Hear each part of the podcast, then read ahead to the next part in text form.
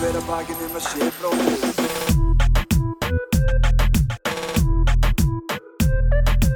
Fyrir hver að bakinn um að sé bróðir eigi.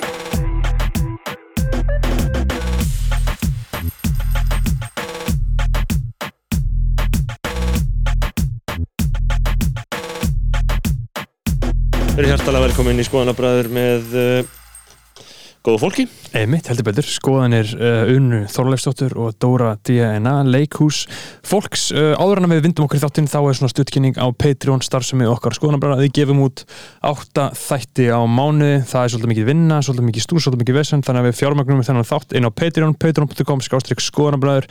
Það eru þrjár áskiptalegir 5 dólarar, 10 dólarar eða 30 dólarar eða meira. Þú ræði fyrir 5 dólarar farið auka þátt í hverju einustu viku, sem bestu klálega 10 dólarar þá farið að hlusta hennar þátt til dæmis á undan, bara um leiðum búin að taka hann upp og skella hann þangað inn, síðan kemur hann út í almenna hlustun á föstudögum. Síðan getur þú borgað 30 dali og skráð nafn þitt á í sögubækunar með því að eh, segjum svo að uh, Dóri eða Una uh, vinna eitthvað verðlaun einhvern mann, þá verður erum fórsetar Já, þá verður hlu- hlustað þetta tilbaka, þá er nafn þitt þar. Þá er þú sá sem vast í raun og veru að búa til þetta sko. Uh, þeir sem að gera það borga okkur uh, 30 dali á mánuði. Það er Jóhannes Haugur Jóhannesson sem að toppa þetta aðeins að borga okkur 31 dal á mánuði. Síðan er Andrea Diljá Edvinsdóttir uh, Andrés Benedikt Bjarnason, Björgvin Helgi Björgvin Ívar Baldursson Brynjar Guðmundsson, Brynjar Tumasson, Erik Ólaf Eriksson, Geoffrey Huntington Williams, Hjörtur Páll Hjartar, Hálfdán Sveinsson tónlistamæðurinn Dirb, Júl Dónutin, Mask on Iceland, Sindri Kampan, Skúli Halldórsson, Sturla Snorrason, Tank City, Tindur Kárasson, X Nonni X, Ármann Langt að þú ert að taka segð, ég er bara, er bara býða eftir að klára Hva, hva? Ármann Örn Friðriksson sem way eh, kom í þáttinn til okkar Ármann úr Keflavík Heyrðu, og Hann er ég í viku. þáttur á eftir þennan uh, episku þáttur, síðan er Ari Helgason Uh, þetta er þeir sem að styrkja okkur um 30 dali á mánuð en síðan eru það að styrkja kongarnir okkar og það er eru þeir í dag?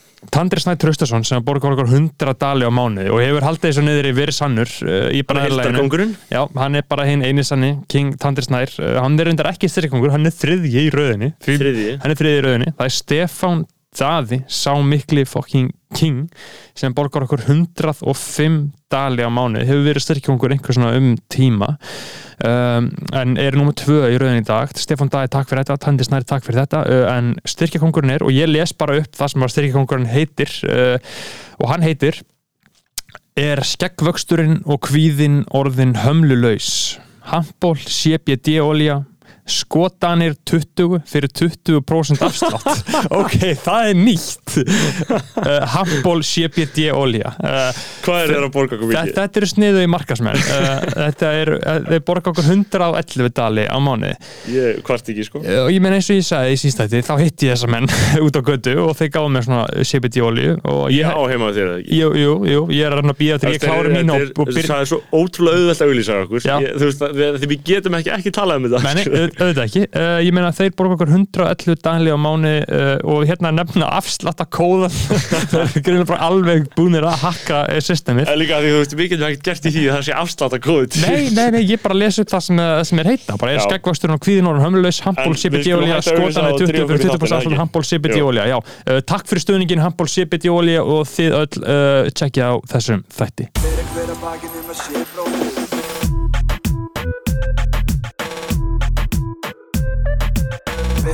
Bakinn um að sé bróðir eigi.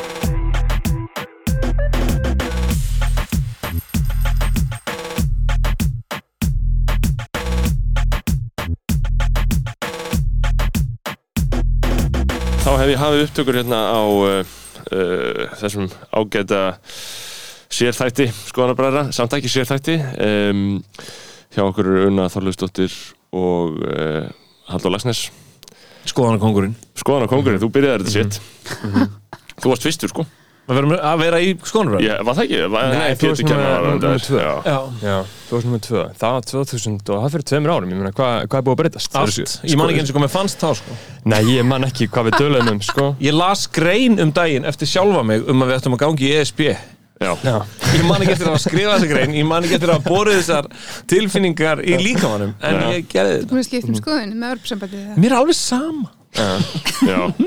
Una, á ég var gangið Európa-sambandi Uh, við þurfum að uh, vera í stjórnkerfi sem er starra en þessi litla borg sem við búum í. Já, já, það er fínt teik Já. Ég bara, ég, ég, þú veist það er bæri í Pólandi sem er 350 mann sko. Mhm. Ég held að það hotlasta sem gæti gerst fyrir Íslinga núna Mm.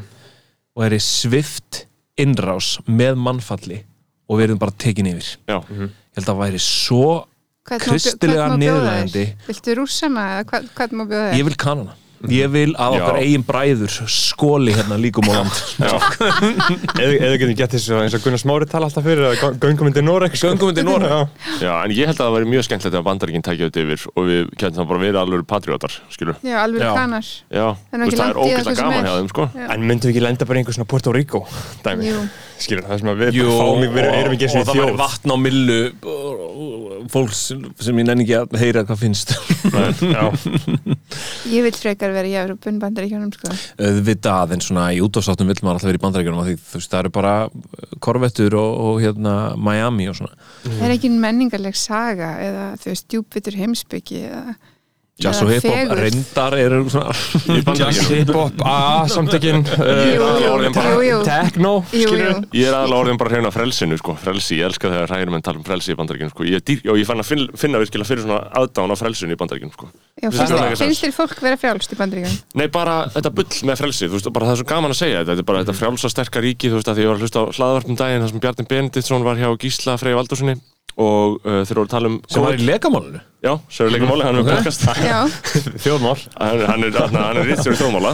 Hann er get with the system, sko, get with the program, sko. Já, það er mjög góð hræstak sjálfskaði að skella því í potsin sko. Þetta er eina hlaðar sem ég hlusta á og að Bjarni Ben var að tala um, þú veist, þau voru að tala um COVID þegar COVID byrjaði og þau töluðu í svona rosalegum bara svona jarðafara tóni bara, já, ég meina eins og þegar bandaríkinn lokaði landamennum sinum þetta sterka frjálsa ríki. Við hefum ekki búist við því. Og þarna fann ég þessa hægri manns tilfinningu þessu, ó, þetta frjálsa ríki, skilur og ég bara með leið vel þegar ég hugsaði það, skilur við meikar eitthvað sensa Já, algjörlega, skilur Já. að því hérna, þetta er náttúrulega líka frelsi í því að fara til fjandans eitthvað Já. sem er svo, sem er svo ruggla og frelsi til að beita ofbeldi, skilur já, það er bara frjálst til að vera að fá þetta. Til að beita miklu ofbeldi. Ég held að eina fólki sem sé raunverulega frjálst sé hugsanlega eitthvað sem býr á Svalbarða. Mm. Raunverulega frjálst. Og með ekkert internet.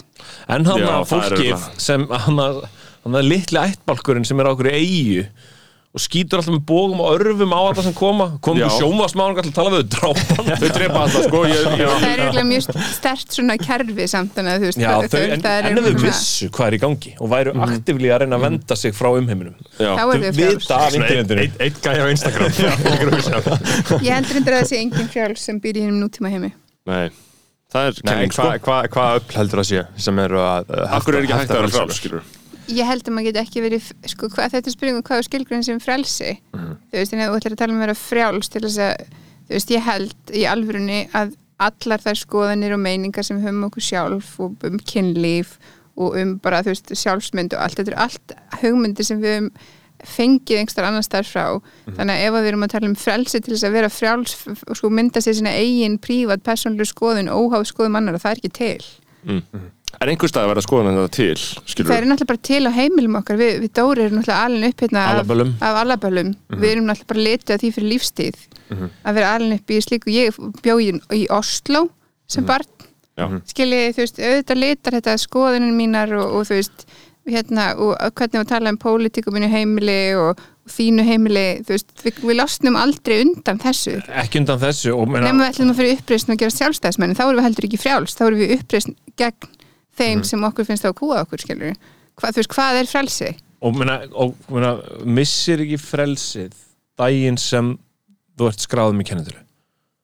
Jú, þú ert bara frjálsatna þessar sex mánuði áður en við að Já, því þá, þá er bara búið að taka í hendina á þér. Ég held að fá kennitölu bara beint á þú fyrir ferð á nátt svo kortið hana. strax. Og er að- það þegn, sko. og þá ertu orðin þegn og þá ertu búin að skrifa undir samningin skilur við, hvort sem líka betur eða verð og, og þið, það er náttúrulega óslega mikið bylgja skríti hvar maður pikkar upp hérna minnstur fjórir smiðir sem ég follow á YouTube sem gera svona, þú veist, smiðumibönd eru allir núna komnir eitthvað út í skó að byggja sér hús fjarrri öllu. Nú, þessi þessi menn í Indonési hérna með, hérna, Já, sem reyndi sem verið í LA nú ok. Mm. en kannski er eina frelsi sem maður getur haft í dag er frelsi til þess að vera ósamála Já, Já, þú veist, frelsi til þess að fá að segja þú veist, hvað er að hvítum meðaldar kallmennum já er, er, Hefur maður það frelsi? Hefur maður það frelsi til að Maður hefur það frelsi, já, já, algjörlega þú, Ég hef þú það hefur frelsi, það sko náttúrulega ekki kannski á internetinu Nei, Nei. Nema þú hefur það í podcastum, það er mjög næst Þú getur sagt hvað sem er það, podcast er svolítið svona Þetta er uncancelable, allt Já. sem Já, síðasta sko. við hérna. Þú veist, ég segi sitt hérna sem ég myndi aldrei skrifa á neti vegna þess Nei. að bara á netinu er það rosa það ég það segi bara aldrei neitt á internetinu að því ég nenni þess ekki sko. Nei, Já, við erum aftur hann bara farin að tala um eð- eðlismun þess sem er sagt og þess sem er skrifað. Já, og það sem er skrifað er að eilífu en það sem sagt er, er ekki eilíft. Og, það er miklu moment, meira moment. og, og en þetta er náttúrulega tekið upp og, og gemt í einhverjum hirslum djöfull, er er að stressa hann all líf mitt er. Já, Dóri er að tjekka eins og sinni sínum en, en sko það sem, að því þið voru að tala um sko svona fóreldra og, og Já. ef þið farið í uppreist uh, það, það er eiginlega bara þarna, er ekki bara sjálfstæðisfólk sem talar um að maður, eða, eða það er kannski líka vinsturfólk sem talar um að með megi ekki innræta börnun sem pólitísk skoðanir að þetta er svona rosalega óraunhæf pæling fólks um að það megi ekki innræta en sem þú pólitísk gerir það skoðanir. þú gerir það alltaf. Maður er alltaf að því, ég veit ekki hvernig hvað ættir ég er búin að mögulega að geta, ekki geta Nei, gert ég, þú veist, ég er búin að halda svona 30 fyrirlestra um eitraða kallmennsku síðustu tvo mánuðin í þvóttási það Já, skiljið, já, auðvitað er maður að innrætta börnunum sínu skoðanir bara með því hvernig maður talar og hvernig maður, hvað maður en þú veist, en það sem að kannski ég, ég kannski ég lít svo á að ég sé að innrætta börnum mínum gaggrina hugsun. Mhm. Frekar en pólitíska skoðanir. Mér er eiginlega skýt saman þú sé ósamála mér. Bara svo lengi sem taka upplýsta áskverðun um að vera ósamála mér. Hvað, er- hvað er nýtt í eitruðu kallmennsku pælingunum? Erum við komin á eitthvað, eitthvað, eitthvað nýtt þar? eða? Nei, ég er bara búin að tala svo mikið um fótbolta að líf mitt snýst um Ég, fótbolta. þetta var stórt moment í lífi mínu sem foreldri. Já, mínu hér- líka. hérna er komið upp mál sem er komið inn á borð svona míns. Já, bara- Já, krakkar vita af öllu þessu Já. KSI-máli og þú veist, hann er bara Já, fótboltastrákur bara- í val. Já, þetta eru alltaf bara fyrirmyndirnar þeirra, skilji Það, það eru allir búin að tala um hvað Gilvi frábær fyrirmynd hann drekkur Mhm. ekki, hann reykir ekki, hann er góð gæi eh, þú veist, rosa almennlegur búin að leggja alltaf, tók alltaf aukaðungar fór ekki í mentaskóla búin að leggja allt líf sitt að veði hérna. Mhm. hvað er maður að segja? Já, hvað er fokkan erum að bara- segja? og, og, og ég þurfti, þú veist, þú ert með eldri krakka ég, Já. hann er tíu ára, ég þurfti að miðla þessu einhvern veginn, ég þurfti að, að, að breyta þessu svolítið svona þroskabók fyrir ung, ung, ungt fólk. Þegar, þegar ég var að segja um þetta og, og ég þurfti einhvern veginn að passa að vera ekki litaður af þú veist, dæguþrassinu í kringum þetta einhvern veginn. Og, og, og maður verður bara eitthvað, já, hérna og þetta verður svolítið skýrt þegar maður útskýrir þetta fyrir barni, skilur, maður er bara, já sumir leikmenninir í landsliðinu hafa verið ömulegir við konur, Kári. Hafa, hafa verið að klípa í þær og, og, og halda þeir mig gera það sem þeir vilja. Og það eru fólk sem segir og ég er bara að sammála því að við eigum ekki að vera með svona menn í landsliðinu. Og þegar, maður, þegar þetta hljómar svona þá, þá, þá er rökraðan eitthvað veginn þarna. En ég myndi halda líka að þetta er svolítið erfið punktur sem fóreldri því að þú veist þetta er allt líka pyrrandi skilur Nei, þú? Veist, hvern á maður eftir, skilur ég alveg talað? Já, hvern eigum við eftir, hvern getum við talað fallegum? Já, já, einmitt. Ég bara, er svo- alltaf svolítið fyrirvari, sko. Já.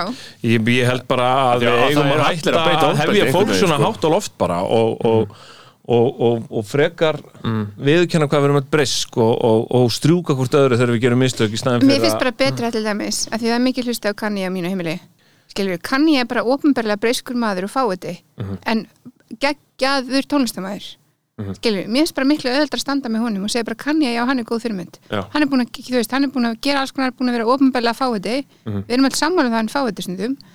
En svo gera hann bara geggjað dót. Er, Þú veist, er, það er bara miklu betra heldur en að vera í félag með það hvað þú ert mikill fáti og svo ertu komin á einhvern stað þar sem þú ert ósnarstanlegur skilur við? Já, hann er líka geðveikur sko. Já, ég veit það, skilur? Það eru það allir Já, já, það er það ekki allir sko skilur, á, á þessu leveli. En- en- eins, eins og kann ég tala um sjálfur skilur, hann er að spila veist, uh, Kobe Bryant er að spila körbólta og Gilvi er að spila fótbolta frekar basic að ég meiðist Já. skilur, og hann, uh, hann segi I'm performing at the highest mental level in the universe of course I'm gonna get injured Já. skilur, vantarlega er eitthvað að fara að klikka En sko, en, þú veist, er eitthvað raunhæft í því að ætla að, sko, ég segi ekki snúa umræðinu við, en þú veist, að því við tölum um, um að leifa fólki að vera breyst og leifa fólki að gera mistök og strjúka þeim, skilur við, við tölum um þetta kannski podcasti, kannski svona milli okkar að fjöra, vissulega sannarlega á öllum kaffistofum landsins, þar sem allir eru bara, ég skil ekkert hvað er í gangi, þetta gengi allt og langt, uh, þetta á ekki að vera svona, þetta er ekki réttu aðferðinar og svo bara, ofnbærlega þá er þetta ekki sagt, sko, nema bara hjá okkur fólki sem er sem bara að tekja lífi, uh, er eitthvað raunhæft í því að ætla að snúa þessari cancel þróun eitthvað við, eða, En erum við ekki eða er hún kannski þegar að gera það Erum við ekki stödd í hérna eh, antitesunni núna? Þú veist, Það er sem ekki tesa, antitesa og svo kemur syntesa, eða ekki? Erum við ekki stödd í antitesunni? á móti vondamenninginni og síðan einhver menning skilur veist, við, það, er, það er eitthvað, svo koma umbreytingatímar og svo kemur eitthvað nýtt. Og ég held að við séum á umbreytingatímanum þar sem við erum öll bara að, að, að, að endur kalibrera eitthvað neginn og, og Mér finnst bara að fólk er svo reitt, Dóri. Þú veist, ég, ég er alveg sammálaður, sko, með, það- með þetta, þessa, hvernig umbreytinguna, sko. En mér finnst ég búin að vera í þessu, þessu situasjón svo lengi sem líka sem, þú veist, kennari, skilur við, að, að mæta, nú veit ég að ég nota stóru orð, sko, það sem ég upplýði sem fasísk skoðunarkúun á öllum vikstöðum. Hvort sem þú ert hægrið að vinstra megin skilur við, og það er vandamálið af því að það er, það er fasismi. Hvernig sem þú lítur á það, að ætla þú veist og það er sem þú tala um þetta kanselmenningu og hvar maður orðar hlutina. Það er ekkit mál að segja þú veist, hérna þú veist, ég, ég er á móti rasisma en ég ger mig fulla grein fyrir því þú veist, að ég er á einhverjum hlutar líka rasism, rasísk þú veist, ég er alveg upp á Íslandi þú veist, hérna, í ákveðnu samingi og hef ákveðnar, þú veist, menningarlegar skoðanir og annað sem ég þarf að horfast í augu hjá sjálfur mér. En ég veit líka að, að það getur, þú veist um, ég get ekki bannað öðru fólki að vera rasistar. Skilur, ég get ekki bannað þér að vera rasisti. Ég get bannað þér að brjóta landslög og vera með fáetaskap og, og segja ljóta hlutum fólk skilur sem varða við lög. En þú mátt alveg halda partí með nasista þegar maður heima þér skilur, þú ég sem get svo ekki Larry Flint. Nei, ég get ekki bannað þér það, skilur við þá, ertu bara komin í hug, þá erum við bara komin 1984 þar sem við fyrir Já. að cancel út orðum. Orwellian thought Já, crimes. bara banna, þú veist, fólki að hugsa hluti. Ég mátt held, alveg- sé, þú veist, ég held að, ég held að er- séu allir alltaf að hugsa ógeðslega, hluti og þess vegna erum við komin í innan hérna klausturs siðferðiskenda sem við erum stöðut að, að, að, að setja að húðstrykja okkur. Já, með, með því að hvernig að lash out sko. Það er bannað að vera með, það er bannað að vera á móti. Þú veist, það eru allir fáiðar bara eins og þessu káis í umræðu. Já, þú veist, þetta, mér finnst þetta bara það, það eru, a- a- það eru, mér bara allir fáiðar já og Guðni mátti ekki eins og segja fá þetta skilur Nei, og Guðjum átti ekki eins og segja fólk Já það er merkilegt að Haldur Armand sendi mér það í, í þessari viku. Hérna, sendi mér þess að, þess að klippa Guðna og hann sagði, merkilegt hvað allir koma illa út úr þessu. Já, já, allir tapa. Allir tapa konstantly öllu. Það eru engir sigurverar í þessu leik. Þetta er losers game sko. Einu söguna eru þeir sem að tekja í þátt. Já, það er svona, já, og við eiginlega ekki af þessu. Ég held að það sé líka lærdómurinn sko að vera ekki konstantly eitthvað staðar uh, í, í ringiðinni að, að hérna að að veit ekki, að eftirláta stundum öðrum baráttunum að þeir og fa fara bara að fá sér keks um, Þarna, sko, við ætlum að byrja þarna þátt á persónleika prófunu úr leikritinu sko. Já, er það? ok, við getum Eh, eh, Það er náttúrulega geð, geðveitt próf. Eh, Við vorum sem sagt þannig í útskýrað fyrir hlustundum Eh, Þá eru Una og Dóri á bakvið um, leikrit sem var frumsýnt í borgarleikusinu þegar þessi þáttu kemur út fyrir rúmri viku sem heitir Þjætting hriðar fjallar um uh, fólk sem festist inn á skrifstofum borgarstjórnar held ég að einhver leitið inn í ráðhúsinu af einhverjum sögum inn í borgatúrnu inn í borgartúni, já, Já. Þeim, þeir, því bákni, það er náttúrulega massíft báknmaður Það er svolítið bák. Það er svakalegt bákn, sko, mér finnst það svolítið tákgrænt fyrir báknið, sko. Þessi, þessi bygging, sko, þetta er svolítið bákn. samt að, þú veist, að þessi hálfgrillstofa þannig nýri og Já, Já, kaffi og svo kemur sko veitingastæður svo, svo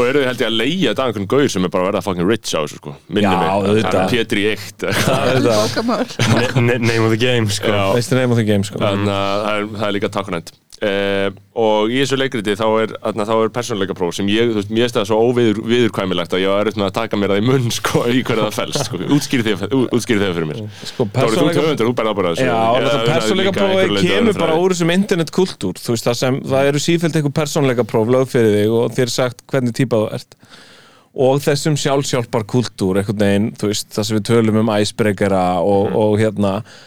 Og í, raun bara svona eitthvað fast food hugmyndir um að kynnast einhverjum. Það er bara að fá að vita ykkur á þrjá konkrétt punta og geta bara dæmt þig út af því.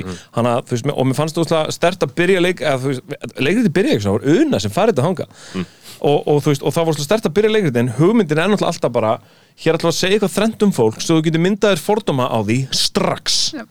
og svo þú getur bara sagt já, þetta er tíman og, og að einhverju leiti held ég að bara það er text texta mjög vel skilur þú, bara, þú ferð inn í ferðalagi með þessa fordóma og auðvitað þú veist, ég bjóð til prófið sjálfur sko. ég, Já, hvað með það, hvert er prófið? prófið var sem sagt, segðu mér með hverju þú heldur í enska.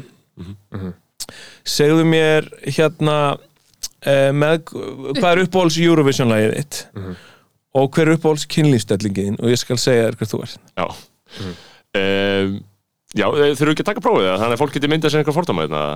Að þóru Ég held að við séum búin að láta fólk hvað fórtum að fyrir okkur nú Já, ég heldur við sem er að skoða fordómana og hérna, og ég uh, tala ekki ofinberlega um eitthvað svona kynlíf og nærbúks Ég respekt það, ég, ég myndi aldrei segja ég myndi aldrei segja þessa Já, stellingu sko. ég myndi aldrei gefa Þetta er sko. sex negative podcast. Ég held heldur ekki mennum í, enska, ég held bara með PSG Ef, ef, ef, ég- ef ég færi að segja þetta við ykkur þá gæti ég sagt ykkur samt hluti bara eins og ég held með Chelsea í enska. Samt fylgist ég ekki með fótbolta en ég er alltaf glaðið að Chelsea vinnur. Og ástæðunar eru tvær. Þegar ég var uh, barn á skrifstofufóröldu minna í Álafossi í Mósinsbæ þá einhvern veginn hátt að var eitthvað Vaff á S-bóla þarna. Með kvikmyndinni Wild Geese 2 sem fjallaði um eitthvað svona svona, svona harkalega svona IRA-týpur að vesenast eitthvað í einhverju mixi í London sem gerist allt í kringum einhvern Chelsea-leik og þetta bara imprentaðist í mig sem bann og svo þegar einhvern veginn smárin byrtist þannig síðar þá var, þá var þetta bara svona eins og þú veist eins og Kolbakk í uppistandi. Þá var ég bara Chelsea, liðið sem hefur fyllt mér þarna einhvern veginn, hann að- hann að ég, er, ég get sagt þér þetta og sagt þér óslega mikið frá lífið mínu leiðinni sko. Ég held, ég, ég reyndar lögði, ég reyndar held í alveg ekki með neinum í enska Ég held bara með PSG að þeir eru svo flottir búningar. Já. En ég held með Manchester United einu sinni út af, út af Beckham og Cantona. Já Mér finnst svona, þú veist, að það er ekkert fótboltalið sem vekur upp minnstu bara svona reyfingu í tilfinningarlífinu mínu, bara, nefn, bara orðið getur bara ekki, það vekur ekkert ekki einu svona kórdringir Jú, ég, ég vil tala um þá. Þeir, þeir, þeir, þeir eru áhugaverð áhugaverðir, sko. Já, þetta er náttúrulega öðru sér sko þegar maður hefur verið uh, kúaður af íþróttarhefingunni og sérstaklega fótboltahefingunni uh, alltaf sína æsku, skilur við, oft bara verið í stríði við þetta, þú veist eins og Þórbergur Þórásson sagði að er þetta í sínu einsta eðli uh, skólar í mannhattri og þú veist það eru margir með uh, við báði bræðinir með svona uh, fótboltatráma sko, og þú veist, bara, bara délið, jólmóti Eilsöll 2006, skilur veist, er Ég var eins og í svona stóru úlp og einhver sagði akkur þetta í sæng Þetta er svona, þetta er, svona, þetta liggur, þetta er alveg í DNA-inu mínu Ég bara, ég, ég tengi sko Já. Uh, en, en þar að leiðandi sko, þá er, er einmitt eins og þú sagði Dóri þá segir þetta man, manni margt um sig sko, Já. uh, uppáðslið, ég meina Arsenal skilur, þú veist, og, þú veist, en, og, og síðan getur rakið ykkur að sögu Já. og, og, og, svona, og gefið svona, svona, svona En hvað finnst ykkur um, skilur þessi þessa, þarna, þessa svona frjálslindu gauðra, arkitektur gauðra sem eru með fríkis mikinn áhuga á fucking fótbolta líka. Sko, ég, ég bara, ég með langaði að segja að því ég sá hérna, hérna takk um daginn í góðbúinum sem stóð Íþróttafélagur er ekkert annað en pólitísk innræting. Já, skólar í skólar í mannhættri mm. mér finnst þetta svo gott sko? Já, að því að, en Ég ætla bara að segja að við sem aðfyrir sér að Friðriks erum bara sáttið hann skóla sko. nei, þetta er náttúrulega þú veist, ég held að þetta með fótbolta þetta er líka spurningum að vera töff skilur við, ég get alveg tala rosa mikið um fótbolta ég æfði fótbolta sjálf og ég get alveg hérna, en þetta er líka, sko, því fyrir mér er þetta æsbregur, í sérstaklega í samskiptum við kalmenn, að það er rosam auðvelt að afvopna alls konar situasjónir með að tala um fótbolta. Já, hvað, þetta, er, safe space Þetta er rosa safe, þetta er rosa auðvelt. þú veist hvað sáuði leikinn þú veist hvað, er hann að gera akkur þú veist akkur er hérna Það er ekki- PSG að kaupa allar sem menn? Þú veist, þú er ekki bara Mér finnst ákveðin föllun að ekki aðganga þessu sviði sko. Þú veist, mér finnst ákveðin föllun að það eru alls konar aðstæði sem ég á bara ekki breyki í að því ég get ekki farið inn í þetta skilur Þú- og þú staðsetur þig líka rosalega mikið í samfélaginu með því að vera anti-fótbolti sko, Já. það, það hefur verið sagt um mig bara, þú far ald aldrei samþykki frá klefanum. Og þú veist, það er bara þú veist, eitthvað sem ég bara er búin að reyna að setja mig við skilur, þú veist Nei, ef einhver í klefanum hlustar skoðanabræður þá er hann svolítið í mótspyrnu gegn, þú veist, þá er hann, hann er svolítið svona með hettu Já. sjálfur og einn út að hlaupa að gera það, skilur. Já. en það er líka okkar ábyrð skiljið sem foreldrar hérna, Mm. því ég tók mig til og ég ringdi bara í það fótboltafélag sem mínir sinnir efa með og ég sagði hvað eru þið að gera Mhm. og hvernig ætlið þið að breyta þessu ég er með hugmyndir, þegar þið er ekkert fyrir mig að standa á hliðlínu, vera úkslega fúl og finnast þetta fárlegt og þú er líka þessu gauramenningu sem ég sé strákana mín að vera alast upp í og eitthvað svona Mhm. Það er líka okkar ábyrð sko. Ég bara ber þetta alltaf saman í minn uppvöxt og ég bara, na, þetta er betra. Þú veist, þetta er ekki að toxic. Ég er svona, á til þá finn ég smá eiturlykt svona, kannast ekki þryggja manna eitrið er þrýri vinahóp, þá er þetta alltaf svolítið tverum á deinum, sko. Já. Þannig, hann að ég, ég er svona, ég reyna að forða þeim situation þegar þeir eru veist, það er þrýr samt, al, það er algilt, sko, það er ótengt fótbolta, sko. Já, það, það, það er ekki toxic masculinity, sko. Nei, það er bara einn klassíski karlmaður, hann er eitraður, þú veist, það er eitur í öllum Já. karlmönnum, sko. Og, og stelpum líka, það eru fokkin hræðilegar við Já, aðra. stelpur eru mjög eitraðar, sko. Það er eiginlega verri við hver aðra, ég, það er mín upplifun, sko. já, Já. Já. Um, en ég meina, er ekki lausnin á þessu fótboltamáli bara að blanda þessu veist, ég skilja okkur aldrei tala um það. Akkur er ekki bara stelpur og strákar saman? Fimm stelpur, fimm gaurar. Er ekki eitthvað líkamlegu tímapunktur þar sem það hættir að make a sense alveg, eða? Skilur að það ekki? Jú, að gera það og, og hérna En, en akkur, er ekki hægt að ára þetta einhvern veginn? en, en, skilur. endur Bara hugsa leikin einhvern veginn. Skil, skil ég hvað Já, meina? Bara á hæsta leveli, bara mestrarlildin Sko, það er bara, ég- þú veist. Uh, skil ég hvað meina? Fimm stelpur, fimm gaurar uh, náttúrulega 11 manns, þannig að eitt kannski, þú veist Veistu hvað, Já, þessi einmitt. hugmynd er samt hugmynd sem kemur einhvern veginn frá vestafólkinu Já. af því þetta er hugmynd sem byggir á svo að segja það. mikilli málamiðlun Já.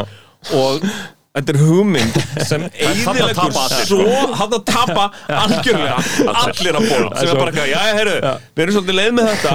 Ef við ekki bara rúst þessu og líða hræðilegu Mér finnst bara svo gott að ímynda með, ímynda með einhvern svona Fótboltagaur að að það þurfa að sætta sig við þetta. Já, en, sko- en þeir málið, þú veist, að þetta er náttúrulega hérna, svona, eh, sko, tillitsamari og falleri leikur, af því að ég held að þessi fáir kallmenn sem myndu rennitekla konu Já. Og það eru fáir kallmenn sem myndu, þú veist, En þú veist, samt eru gaur upp í mjölina að klíma þér og berja þér konur, skilur, það Já. er rosalega basic það. Já, í. MMA, í MMA þá bara, þá það má no náttúrulega ekki gleyma því, dróksla, þetta er ógeðslega óþægileg hérna uh, staðrind að fyrsta að þú veist að stærst, að fyrsta superstjarnan í MMA er kona Já. sem er prómótuð alveg jafn mikið og allir innan sambandsins, Ronda Rousey. Já. þú veist hérna og, og það gerðist í pakklegustu þú veist, yeah, I love it, en þetta er pakklegasta íþrótt í heiminum, skilur þú veist, þetta er bara, þú veist, þetta er allt sponsað Harley Davidson, Bandarækjaher og Budweiser. Og ef það er Brasiljum að kemur til Bandarækjum þá heyrist bara USA, USA hérna, en samt þarna var jafnrétti einhvern veginn bara brush Af hverju ætli það sé? Það hafa, sko, konur hafa farið svona fjallabaksleið inn í svona ný sport sem verða svona media Þetta frenzy, er bardaginn, guys. Þetta er, líka. barda, þetta er bardaginn sem var Mike Tyson. Þetta er heimildamind um þetta á Netflix núna, Untold. Mike Tyson á móti Frank Bruno breytanum hann var írskjalla, kemur til bandarískri gælu og er, Don King promótaði þetta sko. Þetta er fyrsti mm hvenna bardagi á main time og þetta var langt besti bardagi kvöldsins. Hann var sturdlaður sko. Og þarna byrjaði þetta. Og hver er þetta? Don King og Dana White. Já.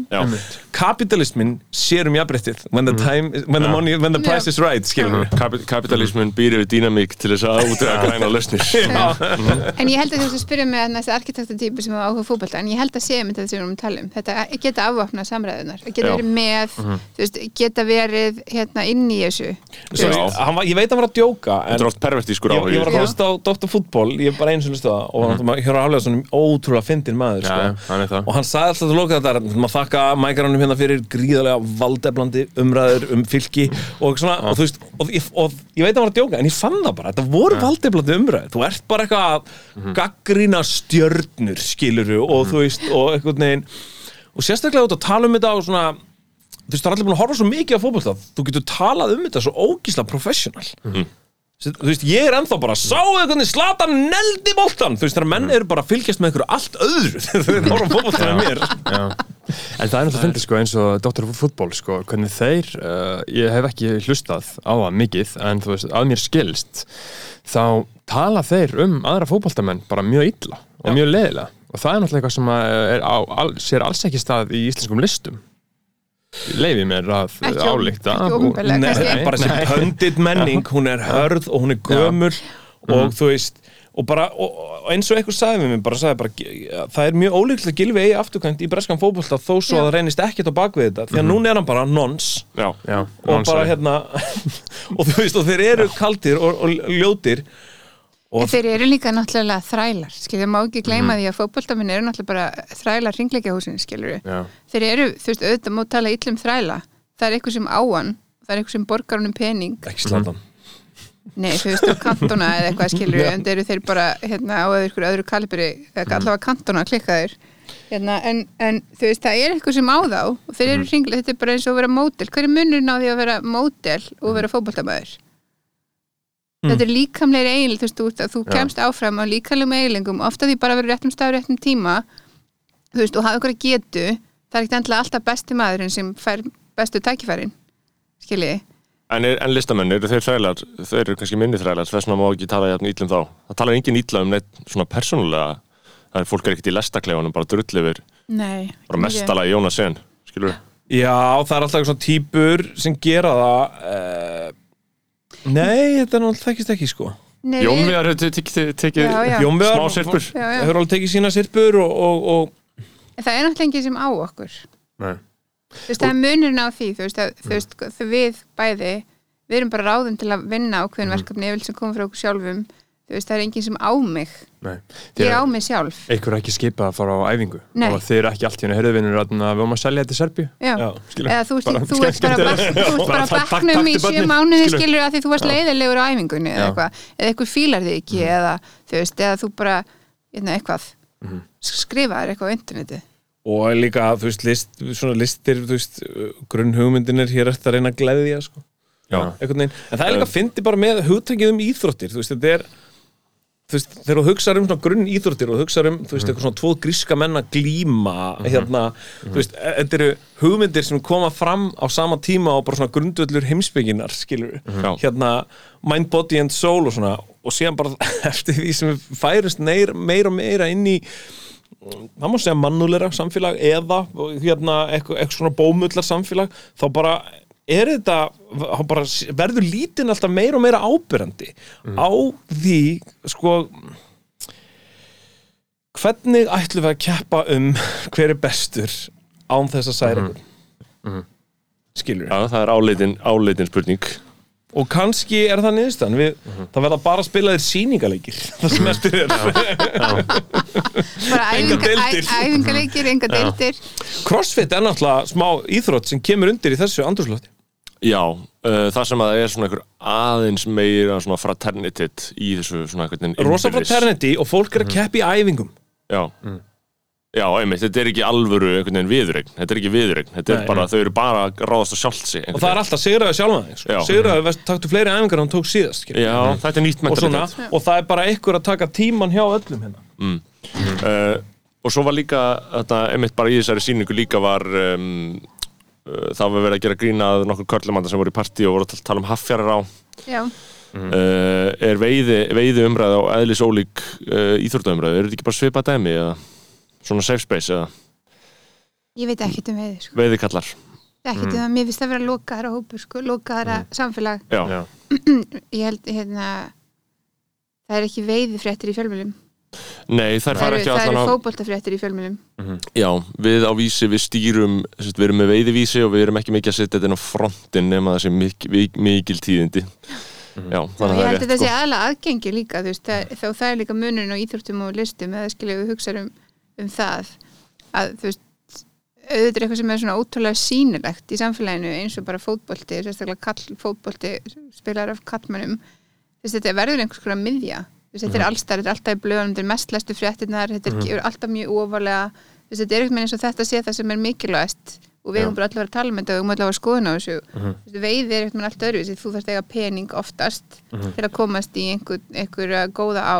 Þú Já. veist, þú þarft að hafa áhuga á að standa kjur og kasta stöng. Mhm. þú veist það er ekki mikið, þetta er ekki svona áhörundasport eins og fótbolti. Nei, eða, eða hérna, ég veit ekki, kannski hefur eh, Dóri gaman að veiði ég hef bara, mér finnst ekki gaman að veiða. Nei, mér finnst það reyndar ekki heldur. Það er svona stóri fleigurinn í sambandi mín svo föðumís hvað ég erði ekki svona Nei. veiði á honans nei, mér finnst það bara leðilegt standa kjur með stöng. Já, já, ég meina Ég fer að veist, pjúra fyrir fyllir í spartin sko Það er rosa gott að fara fyllir í hérna sko. Ég veit að fyllir í og útivist eru svona, þú veist diehard samning, er, er svona geta kökun á eigana. Já, eitt að fá að geta kökun á eigana dæmi sko. Og líka sko tilfinningin um að þú neistlaðin megi halda áfram alveg út í því óhendalega Þú þarft aldrei að hætta sko. Er, ég, ég er nú bara hitti veðmenn á sko, Reykjavík hlutundaginn og þeir voru að fara í eitthvað svona áttadaga veiði og þeir voru alltaf að sína með geðlifin sem þeir alltaf að taka á leiðinni heim þetta er ekki alveg félagskapu fyrir mig alveg Nei, ég held ekki. Ég held þetta séu mjög svona uh, úrkynjaðir karlmenn sem að uh, kom, koma aðna saman sko í, Nei, í, ég er að segja, í, þetta er í, mjög þessar heilbrigt. rattkliff veiðferðir, skilur, á norðausturlandi skilur, Já, þetta er svolítið, já. Björg Þór og aðna Guy Ritchie dæmið, skilur það Þetta er smá skilurðu, myrðavændi skonu En þú veist, þetta getur svona verið Þú veist, ef þetta eru bara saklus íslendingar þá er þetta bara eitthvað fyllir í skilur Það segja allir að sjóslega gaman þegar Gordon Ramsay kemur hann ávist að vera er alveg er bara með þyrlu að láta fljúa sér upp og niður ána. Já. blind fullur, fer út, lemur hann aðeins. Eða ringi fiskur, bara næsti staður. Hérna. Alveg snýst það. bara það allt um peninga. Þetta snýst bara um peninga. Já, hjá honum kannski. Það snýst ekki um eitt annað ef en ég um ætti pening. alvöru seðil. Ef, ef, það ef, ef, ef sími myndir hringja núna og segja að Dóri verður með alvöru seðil innan handa þér. Mhm. við ætlum að lækja hann inn á eftir. Það fyrsta sem ég myndi gera var að flytja frá Íslandi.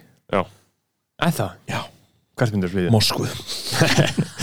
Hefur verið þar? það er svona borg sem er langar að eiga peningi sko. Já, þar eru, það er svo, það eru bara Moskva er uppfull af dyrum sem þú veist að þú ert ekki velkomin innum já. Já. En þú, Una, Og mi- mi- myndir mi- milljarður Moskvu. Milljarðir, Já, ég bara Þú er haldar áfram að gera það sem þú ert að gera? Já, Já, ég, ég, ég myndi bara að gefa ykkur með pening. Ok Shit bara já. bönnarinn mínum eða eitthvað mm. eða þú veist, leggja inn einhvern svona reikning ég myndi kannski borga niður húsið mitt Mm.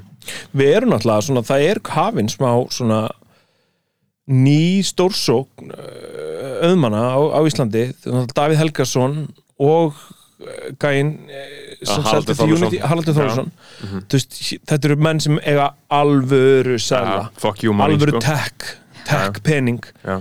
Og hérna sem og, kemur fucking hvaðan maður, ég veit ekki hvernig sem peningar verður til. Ég skil það í tilfelli Davís Helgasonar því hann er, víst, hann að Unity þetta býr til einhver svona verkfæri fyrir tölvuleikja Já. prógram, eh, ég veit Ok. ekki það hljóma samt þess að það get ekki verið svona verðmætt en allavega þetta eru alvöru peningar og þú veist, hann er hvað, hann er að borga hann ætlar að borga málsók hann ætlar að borga lögfræðikosta Haraldur. fólk sem er að fara í, í, á stað við hérna Ingo Veðuguð hann er að opna kaffihús og bíó hann er að opna alls konar sjóði og, og, og skoða húsnaði sem eiga að vera fyrir eitthvað konar uh, svona compounds fyrir listamenn Davíð Helgason er að fara að setja á hún bara einhvern alvöru pening í loftlasmál sko Já, það. Já, ég held las að hann eitthvað sé um einn það. hana, þessi, uh, hvernig kapitalisti kapitalismi færir okkur Já. Dýnamísk, dýnamík Haraldur gæðin er bara alveg búin að umturna miðbænum. Uh, þú finnur það sérstaklega mikið- legacy ein- römpum, ein- sko. eins og ég á hoppjóli í miðbænum þetta er allt annað væp, þú fara upp og niður, upp og niður. Skilur við alltaf að fara fram hjá römpunum og þetta er bara svona, borginn er raunverulega búin að breytast. Já, milljarður. Milljarðir er náttúrulega heldur engin peningur sko. Nei, Æ, það er ekki alveg fuck you money sko. Jú á Íslandi 8 miljard þúsund en á samt. 1000 miljónir Já. Að það er Já. 1000 miljónir já, miljard þú kaupir þér eitthvað geggja hús við setja hvað- 200 miljónir í það með framkvæmdunum. hvað, er- hvað er það í dólarum? 10 miljónir hvað, milljarður er 100.000 Nei, það er, það er miljón dólarar Nei, það? það er 10 Nei, miljónir það er 10 milljónir 10 miljónir dólar, ok. 8 Það er miljónir 8 miljónir dólar dólar já. já, það er fucking lítið. en, en hugsa um þetta samt bara basic. Já, þú kaupir hús 200 miljónir, 800 eftir. Ég er að tala með framkvæmdum og öllu. Já, tekur sér 100 miljónir að riksa upp skuldir svona allar sem þú elskar eitthvað svona, svona í nánasta ring skilur Rólega samt að maður væri að fara að setja 100 miljónir í það Já, ég þekki skuldut fólk. Nei, ég, ég veit ekki einhvern veginn Já, það er að segja, ég er að Eh, Og svo myndur borga er bara miljónum mánuði sem eru 12 miljónur ári Já. deilt í 700 Mhm. Það eru 60 ár. Já, þetta er alveg, þetta er fuck you money sko. Þetta er allavega sla, Þetta er allavega láttu mig í friði manni Já, já, já Já, já ef maður, ef maður hugsa þetta rétt Ef maður hugsa þetta svona. Ég, auðvitað vil maður að lega pening til að geta verið frjáls. Já, Já. frá fátækt sko. Já, já ég meina ég bara sé þegar ég var kryptoríkur Já. uh, eftir 20 ár þegar þetta er búið að kikki inn þá ég meina, þá getur maður að fara í svona pælingar. Gert Veit þetta það, alveg bara gefi verulega af sér. Vi, Við lendum bara í því eiga svo úslega Æ, ég veit ekki, var ekki smá stemning samt að í hruninu? Þú Var geggjað. Það var stemming sko. Þú veist, Já, landsbankin var að s- seytla peningum í listamenn sko. og hérna og þú veist, það var rosa uppgrip. Allir þessi gauðra voru frá okkur svona plossum út á landi sem bara einhvern veginn voru þú veist, gullagt í göturnar og, og okkur veitingastæðir ripnir upp og innréttað eitt stykki flott hótel og eitthvað. Það, hef, þú veist, bröðmálakenningin er bara hálf ósönn sko. af hverju eru listamenn ekki að sleik upp, skilur það er money to be made af samherja og allir þessu shiti, skilur það er bara, mm, veistu ekki hvert samherji lætur listapenningana sína? Var í Dalvík Samherji var stærsti styrtaræðili hérna leik, leikfélagsins á Akureyri. Já, Ég meina, og Samherji uh, sponsaði aðna, myndina aðna, uh, þriði bóllin, Andisnær. Já, það er alveg kredit, þá kom Samherji. Og þú veist, þetta var fyrir uh, náðanbí málið, held Ok. ég að það eru ekki að loka til En allavega, Samherji var stærsti stærsti velgjörðaræðili menningarlífs á Norrlandi og svo tóku þeir allan peningin sinn og ákvaða að setja hann í fiskidæmi Dalvík sem sprakk út. Já, með því tilliti sko. Ummitt og ég meina, hafið verið á fiskidæmi Dalvík? Það er lit. Það er fiskipulsu Allt stefning Bubbi upp á sviði. Gekkja Stærstu tónleikar sjá hvort það gerist uh, á næsta ári. Já, veist, hvort, Já. að, hvort að tónlistamenn sé ekki alveg tilbúin að gleyma þessu öllu?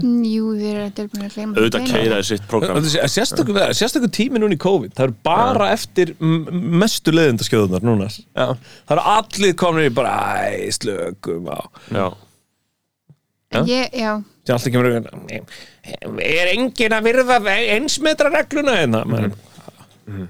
ég var, við vorum á þessari síningu í gær og það var svo fyndið moment þegar þú veist, þau sögðu einhver röddarna í kallkjærunni eða hvað sem þetta er að það væri svona bara, þetta var síðast sem hún sagði, svona slakka á síminum, ekki vera með símaljós og inn í salnum með grímuskylda. Og við vorum alltaf þrýr, ég, Beggi og Aron og vorum bara alls ekki með grímur. Og þá horfði ég bara kringum mig og bara, ok, allir einna eru með grímur. Og ég fekk ekki engan impúls eitthvað svona, Nei. ó, ég verð að setja mig grímu. Ég bara sett ekki á á mig grímu. frumsýningunni var engin með grímu. Nei, Sveitn Einarsson og Vigdís voru með grímu já, já, ég er anti-masker sko já Í gegn Þetta er gegn Já, þú veist Ég eiginlega líka Nefn að ég seima þér, ég er bara operað út frá skömminni í þessum málum sko. En ef ég fer í bónus og mér er sagt þetta grímu þá segi ég ok, setja það grímu skilur. ég er bara ruggluð Ég veit ekkert hvað er í gangi Ég Nei. er bara almennt mjög lögluðin sko. En hvern, Og- hvernig líður ykkur með þessa sýningu? Hvað, hver, hver, hvernig hefur þetta lagst í fólk? Það er alltaf bara tveir dagar síðan en, en, og engi, engi dóma búin að byrtast þannig að við erum svo sem fljótandum Eitt dómur. Eitt dómur svona, dómurish. Hvað hva, hva sagði hann? Það mjög gott sko. Var það rúfa? Nei, það er Silja Altin skrifar á, á tímarit máls og menningar. En, en það er alltaf svona umfjallarir en þú voru líka að kunna lesa textana Silja en ég myndi segja hann sem mjög jákvæður. Já. hún skrifaði enn jákvæður um þetta á Facebookinu sin Ég skal ekki ykkur dóm. Uh, Mjög gott. Good shit. Enga stjörnur gefnaði skoðanum bara hérna, eins og við Já, Nei, ég vona að þú veist, það er alltaf verkefni að ná fólki í leikus Já.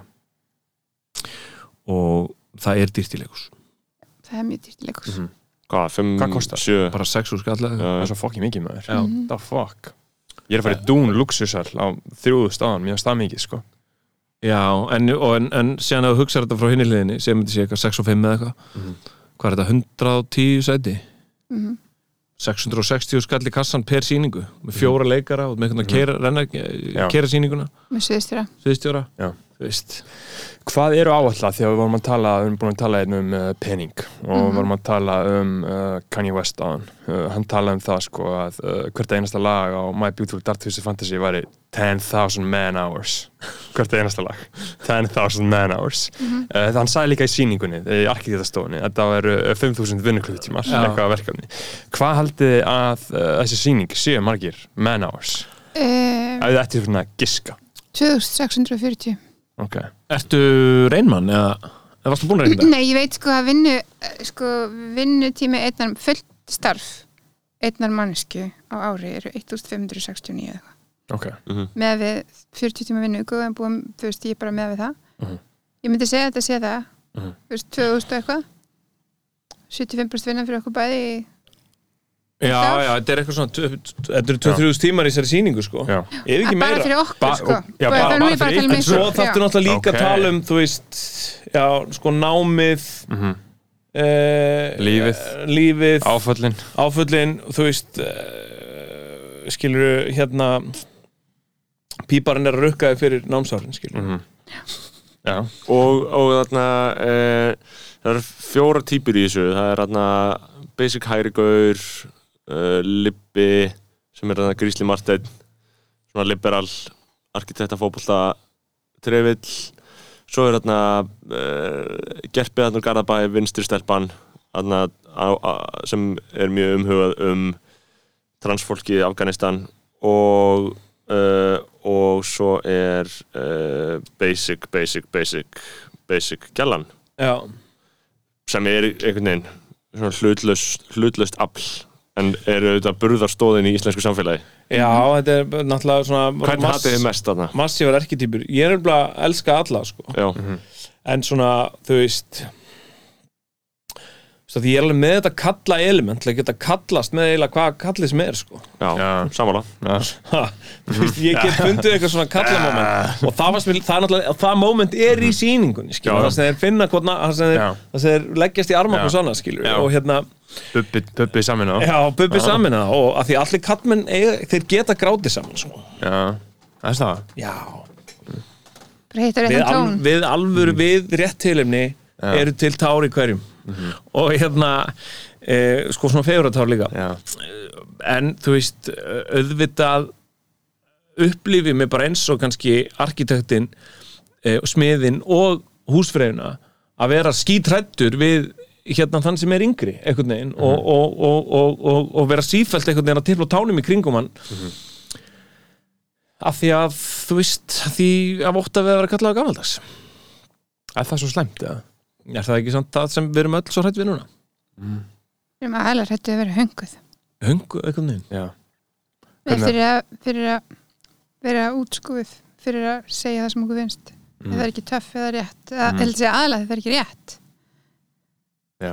það er ekki rétt skoðun skilur með, já eða bara hönguð einhvern veginn þú veist við að flokka ekki rusl skilur þannig að mómentið það sem maður er að horfa á eitthvað plastíl át með úrslega miklu mat í og maður er einhvern veginn ég get ekki ekki Nenni. ekki. mat úr þessu ílátti núna Já. og bara gef grei heimurinn. Og, og þetta einhvern veginn veist, þetta er svona hugmyndið, það eiga allir sitt moment af ömurð.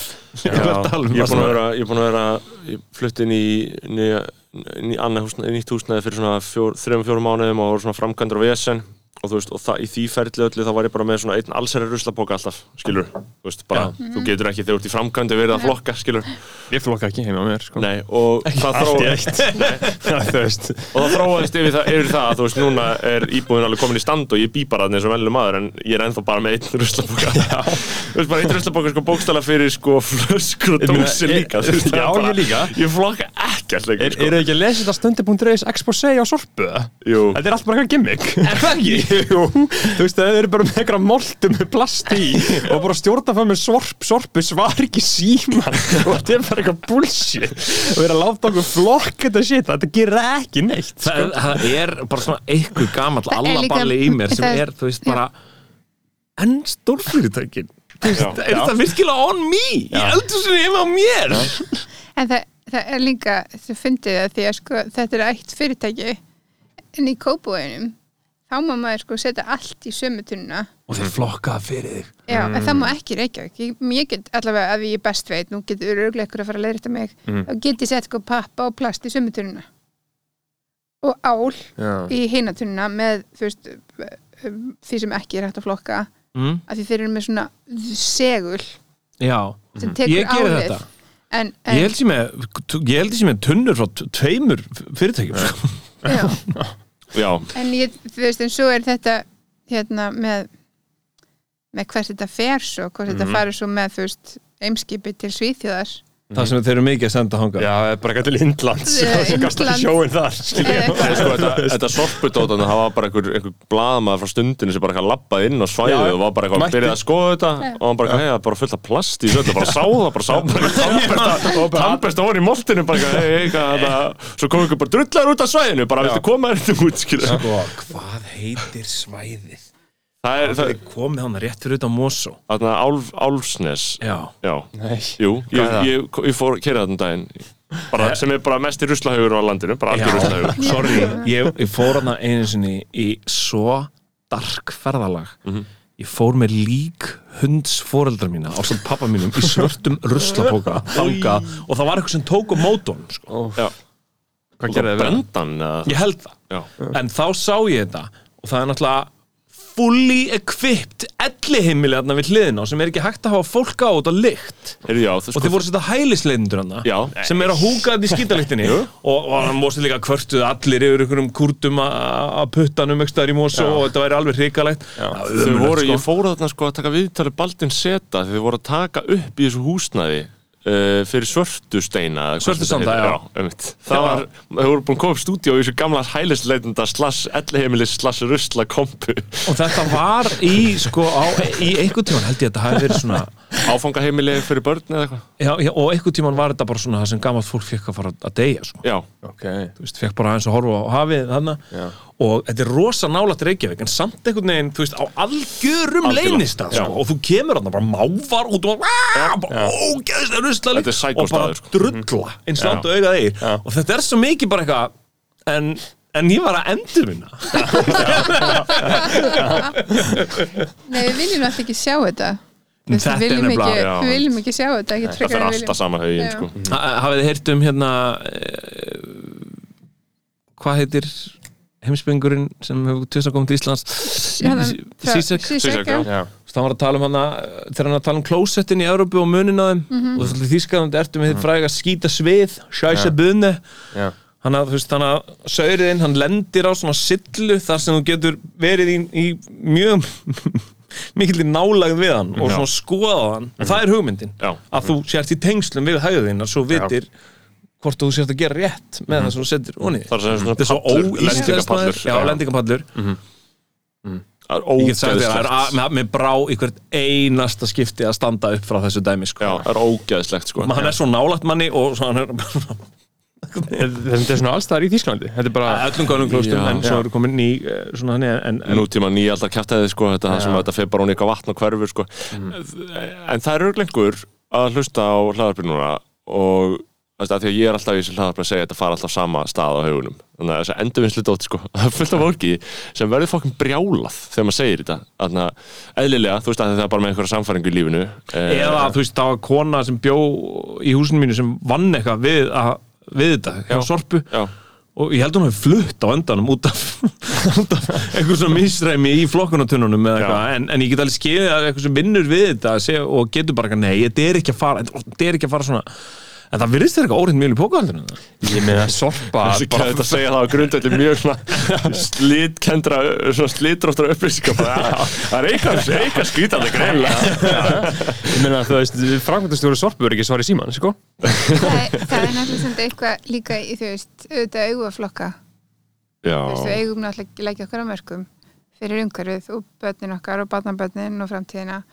En þú veist, akkur fyrir þetta með eimskip til Svíþjóðar? Hvað er, þú veist, hvað eru að brenna steinolíu? Ég spyr, En vitið þið með lofslagsmálun, er þetta í lægi? Þú veist, erum við á réttir leið, myndi að rettast það? Erum við að fara? Ó, ég hef ekki loftast hví að mér langar svo í hann sko. Já, ég ekki bara, get ekki hugsað þetta til enda, sko. Nei, ég er alltaf bara fastur bara eitthvað are you telling me að við getum fara að sjá heit sumurinn á Íslandi ég er alltaf komin þar eitthvað. sko ég frétti það að turns out við erum að fara að sjá þetta- við erum að fá einhverja norðanátt og einhverja gólu og eitthvað shit er. Golfstraumurinn, ef hann hættir þá er er það bara fyrir. þá er það flugleðir one way sko. Eiland En ég En, ég, en, en það golfströmmin er ekkert að hætta sko. Er- Við erum safe með hann sko. Heyrði ég, ég talaði við vísindamenn um þetta sko. Já, já, ég uh, vona það Nei, Ég meina þetta er bara svolítið eins og að na, þið talið um í síningunni sko, þú veist, einhver segir eitthvað og síðan segir einhver eitthvað allt annað, maður er svona já, einmitt. upplýsingar eru odnar svo ótrúlega klikkar. Já. þú veist, núna er ég svona alveg með guilty pleasure að bara ég hlusta ótrúlega mikið á Joe Rogan podcastið. Kongurinn að því hann tekur svo viðtalið mikið að grínistum og mér er svo ógíslega gaman að hlusta á þessu viðtalum tvei létti grínistar að spjalla og þú veist, og þið tala bara um sömu hluti og viðtölum um bara, djú, súlutnar fyrir er þarna í þessum sal og er ömulegt og þetta Ert þú grín nördi, skilur, skilur 90s, 80s, svona uppistand stópið og allt það, ok, þá er það en- að gegja fyrir þig, en sko. að mik, já, á miklu leiti bara, þú veist, hef ég lært það í gegnum þetta og, þú veist, og ég er alveg fyrir að brosa hann er hlusta mikið. En og með þetta Ivermectin, ég bara þórum ekki svona að googla til að ganga inn í þetta. Hvað er það? Það er sérst, hann lyf. COVID hann fær COVID, já, og hann er ekki búin að vaksinera sig, sko, af því hann er bara eitthvað mm, ég held ég sé bara hlustur ég held ég ekki þólalega að fá þetta. Eitthvað svona. Og hann líka passa óslega mikið, maður sér alveg að það er eitthvað kraumandi sem hann langar eitthvað þú veist, líka, og líka bara svona einhver Já, en hann fíla. fær þetta og sem segir hann bara, herru, ég fór til læknis og ég fekk hérna monoclonical antibodies sem var saman Trump fekk, sko. Uh, Ivermectin, þetta, þetta og hérna, og bara mér liður geðið vel í dag, bara geggjað. Hafði ekki ágjör á mér, en ég var svolítið slappur í ger og, og það voru einhverju miðlar að skrifa fake fréttir um að Spotify hefði bara cancela þáttir hans fyrir að segja upp á að hann væri, hefði tekið Ivermectin. Og síðan skrifar, hann tók hrossa ormalif Joe Rogan tók hrossa ormalif gegn COVID. Og síðan næsta þetta, þá kemur einhver þá er bara einhver grínisti vinnur og svo er bara eitthvað, are you okay man, it's just read on CNN you, you're taking some horse. Hann bara eitthvað, ég fótt til læknis. Læknin ávísaði livjum sem hann samti líðan betur sem lesi bara eitthvað CNN bara eitthvað, þarf ég að fara í málðu, þetta liv er notað við, við vírusingum og, og, og allt í einu, ertu bara á Íslandi og þú lest í íslenskum fjölmiðlum að, að yfir, íslenski fjölmiðlar segja yfir mektin sé hrossa ormalif Já, algjörlega.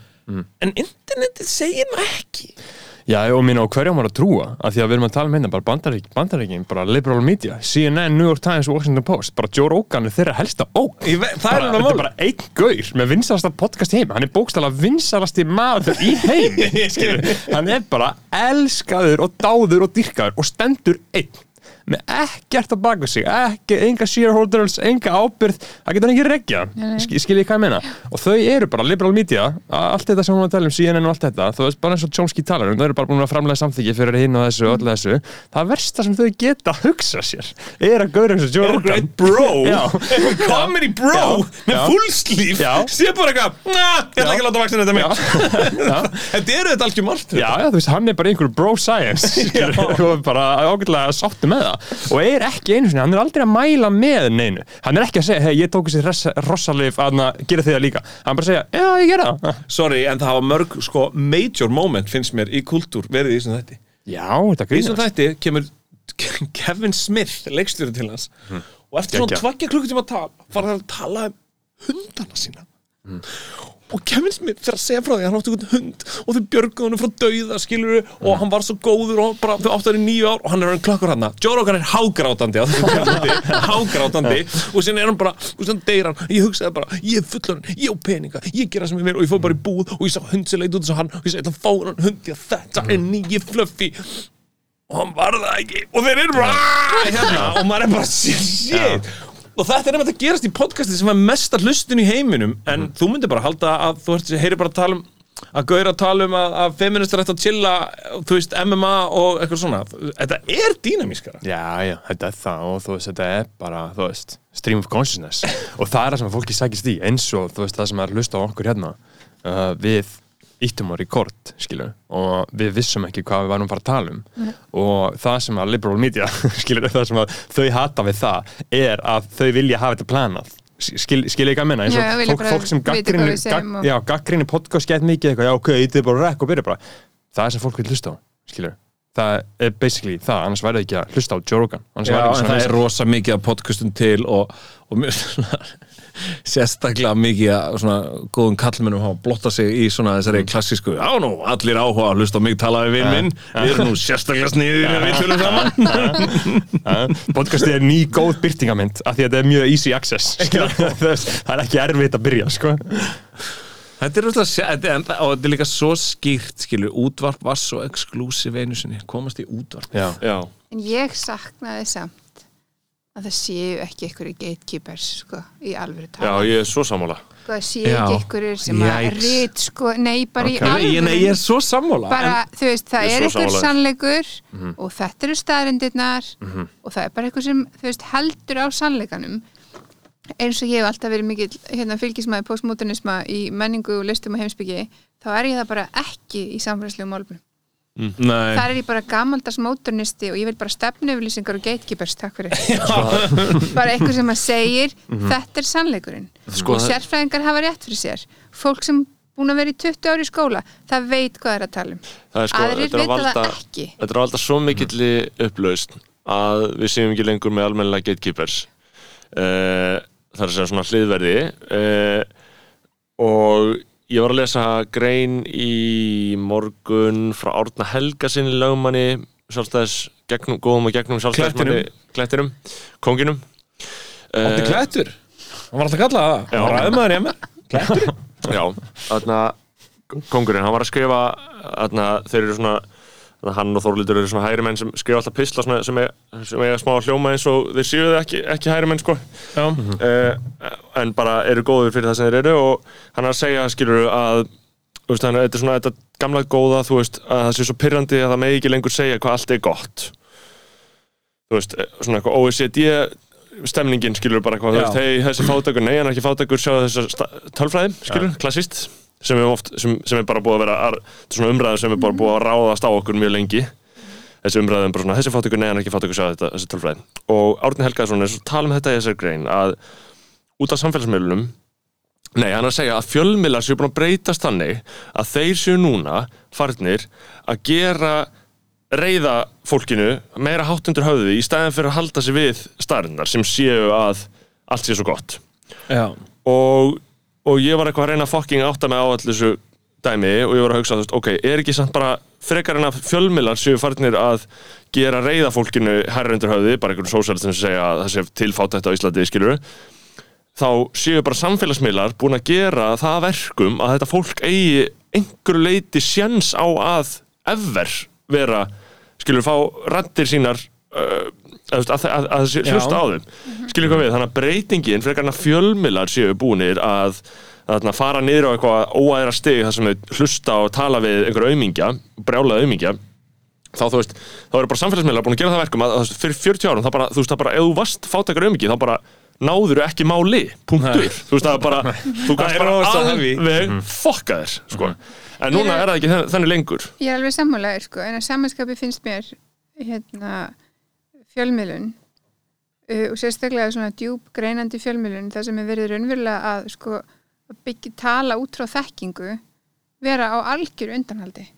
Veist, mér finnst hérna uh, það er helst einhver sko, erlend stórblöð sem að halda úti einhverju svona alvöru rýni á það sem er að eiga sér stað í heiminum hvort sem það er jákvætt eða neikvætt eða og tala við alls konar fólk sem er ósamála og búa til einhverja heilstæða mynd sem maður getur lesið og mynda sér einhverja skoðun og það er ekki verið að segja mér hvaða skoðun ég á að hafa.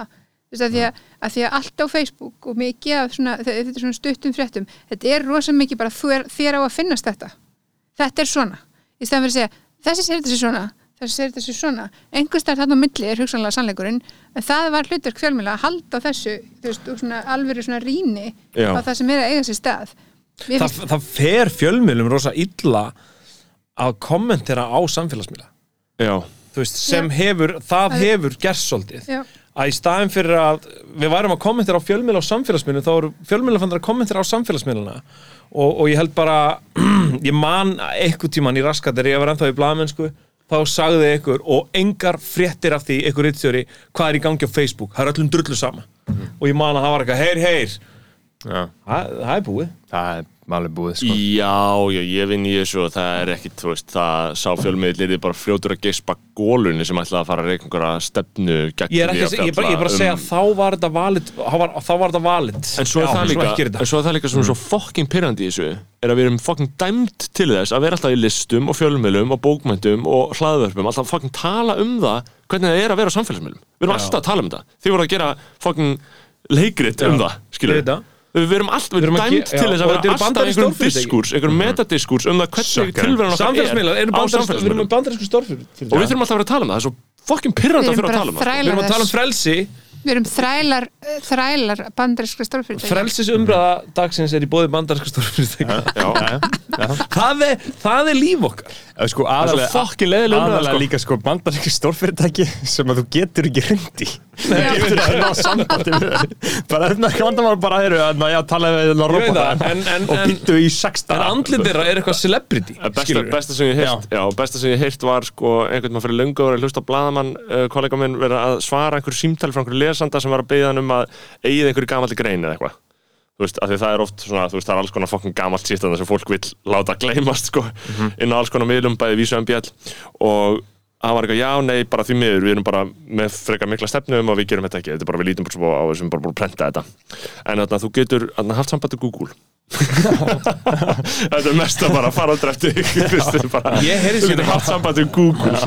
Ótrúlegt um daginn þegar Þú hefur rétt til að gleymast sko. já, það er eitthvað þannig á Google sko, en Já. þú þú hefur líka bara að gerast mannréttindómstölu í Evrópu þú hefur réttin til þess. að gleymast og þú hefur réttin og þetta er við því við hefum svolítið talað um börn líka byrtingar barn, af myndum á börnum og á samfélagsmiðlum. Og hérna, og ég man ekki hvort þú veist, ég var að tala um svolítið við Jóa líka þú veist, þetta, að því að, að þú veist, að þú hefur réttin til að vera ósynlegur og þú hefur réttin til að gleymast. Og, og það, þannig þú veist, en akkur í fokkunum hefur rétt til að gleymast? Af stafræn, því að- er af þetta ekki að hluta samfélagi eða? Jú, en ég hlýta ég, að því ég, hérna ég hlýt að hafa réttin mín megin um það hvað er til um mig Mhm. einhver staðar í einhverju, þú veist Google bókasafni. Já, ég er að hugsa af hverju þú ættir að hafa þann rétt skilur eða þú að veist, því að kannski kom eitthvað fyrir mig. Já, einhvern tímann, eða ég gerði eitthvað. Og ég tek út mína samfélagslegu refsingu eða þá að ég gengi gegnum eitthvað trámað og það er skrifuð við fréttið eitthvað. Ég, eftir að ég er búin að ganga gegnum það og með þess að þú ég tekið út refsinguna þá er ég samkvæmt lögum saklus já, já. Skilur, og það er að leiðandi á ég réttin á því að segja samkvæmt lögum sem sagt, Skilurðu? já. ég á réttin til að gleyma. Ég hlýt líka þú veist, það, ég er bara eins og tölum líka um þetta saman ekki við börn skiljiði já, uh, Börn- börn hljóta eiga réttin á því hvort það sé myndir af þeim allstaðar Mhm. þegar þú verða hérna fullarið fólk, hvort að ég geti bara sleiðið nafnið og þá sé ég bara þú veist, allt sem þau gerðu sem börn, það, það er aðna ef þú setur það aðna, skiljiði Mhm. þannig að þau hljóta þá geta sagt ég vil ekki 20 ára ég vil ekki að þetta vídeo úr 5 ára ammælinu mínu þar sem ég var að, á nærbuksunum að leika hérna atriði úr Eurovision Mhm. fyrir fjölskyldina mína sé til á internetinu og eiga þau þá að mega eigða því Já, eða mér láta finnst eiga það. því, já, Já. mér, veist, hérna mér finnst að fólk verði ekki uh, rétt barna sinna til friðhelgi Nei. ég veit Ég- það, ég- það gera það ekki sko Nei, þú veist að því börn eiga friðhelgi alveg eins og ég Já. á ekki börnin mín, sko Nei. börnin mín eiga sér sjálf Einmitt. Þú bara sjáum þau? Ég bara fekk að gefins, skilji, og er þau í minni umsjón. Þannig að þau hljóta ráða því hvort ég set mynda þeim á interneti eða vídeo eða, þú veist svona minn gerir ekki hann að byrja um að fá að vera með YouTube-brás þannig að tíu ára. Mhm. ég er bara, nei, veistu, þú bara þú veist það, við erum ekki þar. Nei, ekki strax. Ekki strax, þú Nei. gera það þegar þú ert orðin 16 ára Mhm. skilur þá er mér alveg sama. Þá ert orðin 16 ára getur tekið svona aðeins upplýstar ákvarðanir heldur en þegar þú ert 10 ára og þú heldur bara þessi töff að það kannski bara töff í hálft ár en það fer ekkit af YouTube. Nei, en svo líka Nei. svona for the time being þegar fólk er að posta myndum af börnunum sínum uh, alveg svona mjög mikið sem fólk gerir já, uh, það er ekkert endilega kannski, þú veist, jú, jú, fólk er svona að velta fyrir sér já, hversu langt gengum maður og hversu mikið að myndum posta maður bara svona að barninu bara þegar það veit ekkert að því eða Já. whatever. Skilur hversu langt finnst þér að með í ganga þar? Uh, Ég- ég eru posta mörg ekki- eða? ég posta bara alls ekki myndum af börnunum mínum Nei, nema fór nei. lefi fá leifi frá þeim, en Já. þau eru kannski komin þau, þau eru með einhverja meðvitund, skilur Já. en að því að fólk er með unga börn og er bara að posta vilt og galið, er, erum við að tala um að það sé ámælisvert eða? Ég myndi aldrei ef eitthvað dæma fólk fyrir að gera Ég Þú það myndi ekki- hendin inn í Nei. krútlegum inn í ég myndi krútlegum ekki dæma fólk fyrir að skilur gera það en ég held að fólk geti alveg verið viðbúð þess að þegar barnið verið 15 ára þá verða ekki droslega hrest með það þegar eitthvað googlar það. Nei, hvaða Það er myndir bara- komu upp? Eitt vinnur, svona minn sem bara búin að banna fóröldu sínum að setja myndir af henni Já, respect. Hann bara heyrði út í bæ, bara ég sá sem mynda mömmuðinni Hann var bara 10 ára, bara já það já, sjá til með það. Nei, bara algjörlega, þú veist, þetta er líka mynd sem var tekin af mér og sinni mínum á okkur frumsýningu fyrir mörgum árum, þannig er bara, hann er orðin eldri núna, hann er verið nýja ára eða eitthvað sem mynd og hann bara, ha, er þessi mynd á internetinu? Ég bara, já, það var tekin af fjölmili Mhm. Akkur, ég bara, sorry ég get ekkert í því gert. Nei. Þú veist Er það lagalegt eða? Þú veist, Það, hann gæti náttúrulega, ég gæti náttúrulega bara farið og beðið Google um að þessu. þessa mynd þá hann skilurðu. að tala um Google sko, fjölmiðli myndi bara fuck off Já. Ég held að ma- maður eigi að mega gleymast Svo ég hoppa aftur inn í það Já. Ég held að útlaga menningin sé djúb í samfélaginu Og ef þú hefur rétt að flytja ykkur upp á fjall og vera þar Þá máttu líka já, eins og maður láta tala um Google gleyma þessu sko. Já, eins og maður tala um þú veist að þú missir frelsum um leið að fá kennindalu, sko, þú veist, maður hugsa svona um frjálsa menn, skilur, hugsa bara eins og bara, þú veist, sem maður heyrt af svona gauðra sem að operita eh, bara er ekki með kort, skilur, þú veist, bara svo þannig að danski graffaran keker sem kom hérna, skilur, þú veist, þannig að Já. alls konar svona menn, huldumenn Já. sem bara lifa uh, Meina, að þú veist, það var líka Ég þrái ekkit meira heldur en að geta hætt notkurum mín á samfélagsmiðlum og vera frjáls. Hún nota bara cash Já, eða þú veist, það er náttúrulega bara verður, og það er verið ólulegt í Svíþjóð skilja ég á Já, Danmarku það er verið að gaggrina svíja rosa En- mikið fyrir þetta En þú veist, að því að hérna, fyrir, fyrir hvað, fyrir að banna þeir bannaður að vera með peninga Reiði fyrir. Vá, Já. það er Og meina það var bara tekið fyrir þetta Dominos sem þetta gerir þetta um daginn Já, bannaður Þeir voru að- stoppaðir Já, en ég held, sko, það er þetta með að, að þú veist, að uh, þótt að ég starfi í listum þá hef ég engan áhuga á því að vera fræg Mhm. eða vera þekkt ofnbælega Já. ég, þú veist, listaverkin mín eru það sem á í samskiptum við almenning, ég er bara Mhm. mm. húsmóður í kópóðunum, skilji Mhm. hérna, að mér líður best þannig Mhm. að fá bara að eiga mitt prívat svæði og líf þannig að ég, ef að, ef að ég þú veist, ég get alveg séð fyrir mér ef að allt innu segi eitthvað hér í þessu podcasti sem verður þess að allt er brjálað Mhm. sem ég hef nú alveg gert áður og það hefur verið skrifað alls konar að hérna mér finnst ég alveg mega eiga rétt á því að vera þessi manneskja skilji, og mega eiga rétt á því að vera ekki sínileg og mega eiga rétt á því að, að þurfa ekki að vera eitthvað Public space er bara svo en- flókið maður. En ég, ég skil ekki sko, þú veist, jú að það, það, það, það getur verið þín ósk skilur, en ég, ég skil ekki mér, mér finnst ekki alveg ganga upp að tala um það sem rétt einhvers sko að fá að gleymast af því ég sem siðlaus blaðamaður hef líka rétt á að bara skrifa um manneskuna, segja það sem ég veit um hana og það byrtist bara einhver staðar og það verður bara googlanlegt og það er bara til og það bara getur enginn gert neitt í því Jú, en kannski, skilju. Er það eitthvað mannreitndabrót? Nei, ég bara hugsa með að, þú veist, eins og við talum samkvæmt lögum, skilju, að þú veist að skrifa mig að því ég framið eitthvað glæp eða ég grunuð um að framið eitthvað glæp eða grunuð um að hafa gert börnunum mínum eitthvað eða eitthvað sem svo sannast það er ekki satt eða þá ég er dæmd og ég tekur mér refsingu, skilju. Þá hlýt ég að eiga rétt á því eftir ég er búin að taka út refsinguna eða sannast, þú veist, er ekki sannað á mig glæpurinn að það sé fjarlægt. Var, vegna þess að annars er það alltaf til staðar ef einhver googlar mig. Þú veist það var hérna, það var hljóms, það, það er ennþá hægt, þú getur googlað, googlað mig og hún er svolítið neðalega núna og þá kemur bara rosalega rætin dómur sem að skrifa um verk sem ég gerði sem að, hérna, bara virkilega ég, þú veist, ég myndi segja svona persónuleg árás. Mm. þú maður vill það ekkert Nei, maður vill það ekki. Heru, en, en, En- en, erum við ekki, þú veist, að tala um eitthvað svona réttin til að gleymast? En er ekki aðalega verið að segja, þú veist, er ekki verið að setja Google stólinn fyrir dittnar til að, þú veist, bjóða upp á tækni sem getur veitt fólki, sko, hérna, tækni til að f- viða svona miklum upplýsingum um þig. Er það ekki það sem er verið að banna Þú ekki, nei, og mjög- það er kallað réttin til að nei, gleymast? þú, ekki- það er ekkert mál að fara að eyða ég hef gert það, ég farið og látið Google eyða öllu sem þeir eigum mig og öllu sem þeir að sapna Þú ert internet paranoid, þetta er dyrka, hún er með eitthvað svona mm. forrið í tölvunni sem, hann að hún er aldrei með cookies og neitt, sko. Ok, wow, að vera- fær ekki að auðlýsingar sleppa en cookies, neitt. eða? Ég, ég fæ auðlýsingar símanum að því ég er ekki með því í símanum en ég bara vil ekki að þeir sapni um mig upplýsingum, þetta er bara einhverjum, kapitalistum sem eru svo að reyna að selja mér eitthvað djósi strax, skilji, come on. Ég bara þræll, nei ég bara þræll þú veist, ég er nógu mikið þræll kapitalismu það er óþarfið að spila svona rosalega upp í hendana nei það er verið að tala um það, þú veist að, að þú hafi réttin á því að fara í, og segja við Google, ég vil að taki þetta burt, þessar fréttir sem MBL skrifaði um mig það, það er ekki farnan af internetinu það er koma bara ekki upp þegar þú þegar þú googlaður, já. Já. en getur valið greinar getur ekki bara, Já, ver, ég, ég held mér er- að þetta gleymast í heild Nei, nei, þú getur bara sagt ég vil ekki að þessi hlutir byrtist þegar ég googluð Er það Vá. hægt? Já, að Já, þegar ég googlaði þá bara eitthvað Bergþór segir alla uh, fótboltamenn uh, hata konur og vera rassista eitthvað DGF sem þið pikkuð upp úr Það var bara podcastinu. eitthvað mest, random pick-up Það var persónulega árás. Ég verið publicly alveg, þú veist, lendi í svona stormi með eitthvað Nova dæmi að sem var bara eitthvað fólk að óskaði þess að bönninu tekin af mér og svona fokkin hata við það sko. En sko það er líka það fyndið þegar maður tala við fólk sem er í einhverjum miðjum, miðjum cancelkvíða eða, eða miðjum svona internetkvíða eða það er eitthvað í gangi með það á internetinu skilur, og maður er eitthvað svona að því að vinur sem þú tala við þegar þú ert í slíkur söðu þegar þú ert eitthvað, oh fuck maður, lífið mitt búið það er verið að segja þetta um mig. Vinur sem þú tala við þeirri stöðum en alltaf segja við, gaur, þetta er ekkert mál. Þú veist, þetta gleymist, þetta kemur. 48 klukktímar En þú í þínu 40 kvíðakasti, þú skilur ekki raukussuna bak við það að þetta sé ekkert mál. Þú, þú, Þú þessu.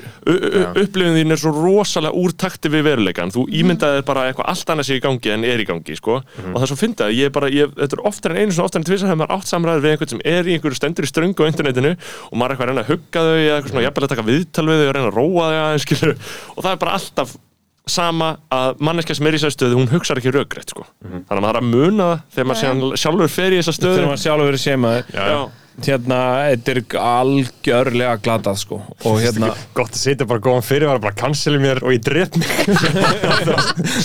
It's on you. Já, bara eitthvað, já, bara þegar þú segir þetta var ég bara eitthvað, já, löngu árum fórum að tala um cancel-kultúr var alltaf til public shaming. Já. og þá var því bóksi hérna, you've been publicly shamed. Já. og fólk talaði kannski aðeins léttar um þetta þá. Já, þú er þetta ekki bara sárir menn, það er bara þetta cancela manni hérna. Er þetta ekki, kemur þetta ekki þaðan? Ja, þú veist, þetta er eins og við tala um Kanye á hann, sko, hann er, hefur alltaf verið að segja bara I've been cancelled.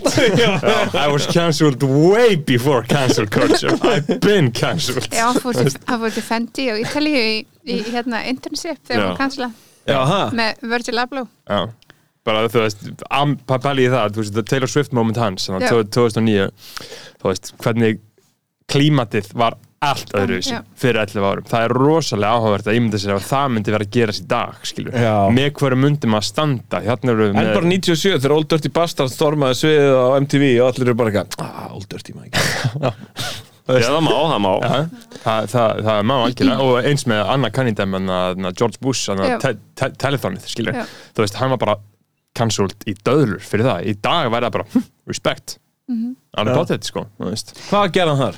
hann sagði hann að hann var með Mike Myers hann á Bush, svona, svona te eða ekki? telethon söfnum fyrir Hurricane Katrina hann 2006 Já. uh, og, hann, og hann segir hann að George Bush doesn't care about black people já, og aldrei hvað stert maður já, Þetta alveg where's the lie sorry, ég var bara einmitt þú veist En mér finnst líka, fyrir ekki, líka grípa mér ég bara þegar eitthvað svona segir þetta Muhammad Ali Mhm.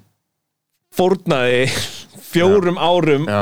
giltum árum Jep. af ferði sínum sem Já. besti nefnilega maður í Já. heimi í þáu fokkin réttlændis Jep. og því meira sem ég hugsa um það Já. það er svo mikil gæsa sko. Honorable. Já. bara the Viet Cong ain't did nothing to me Já.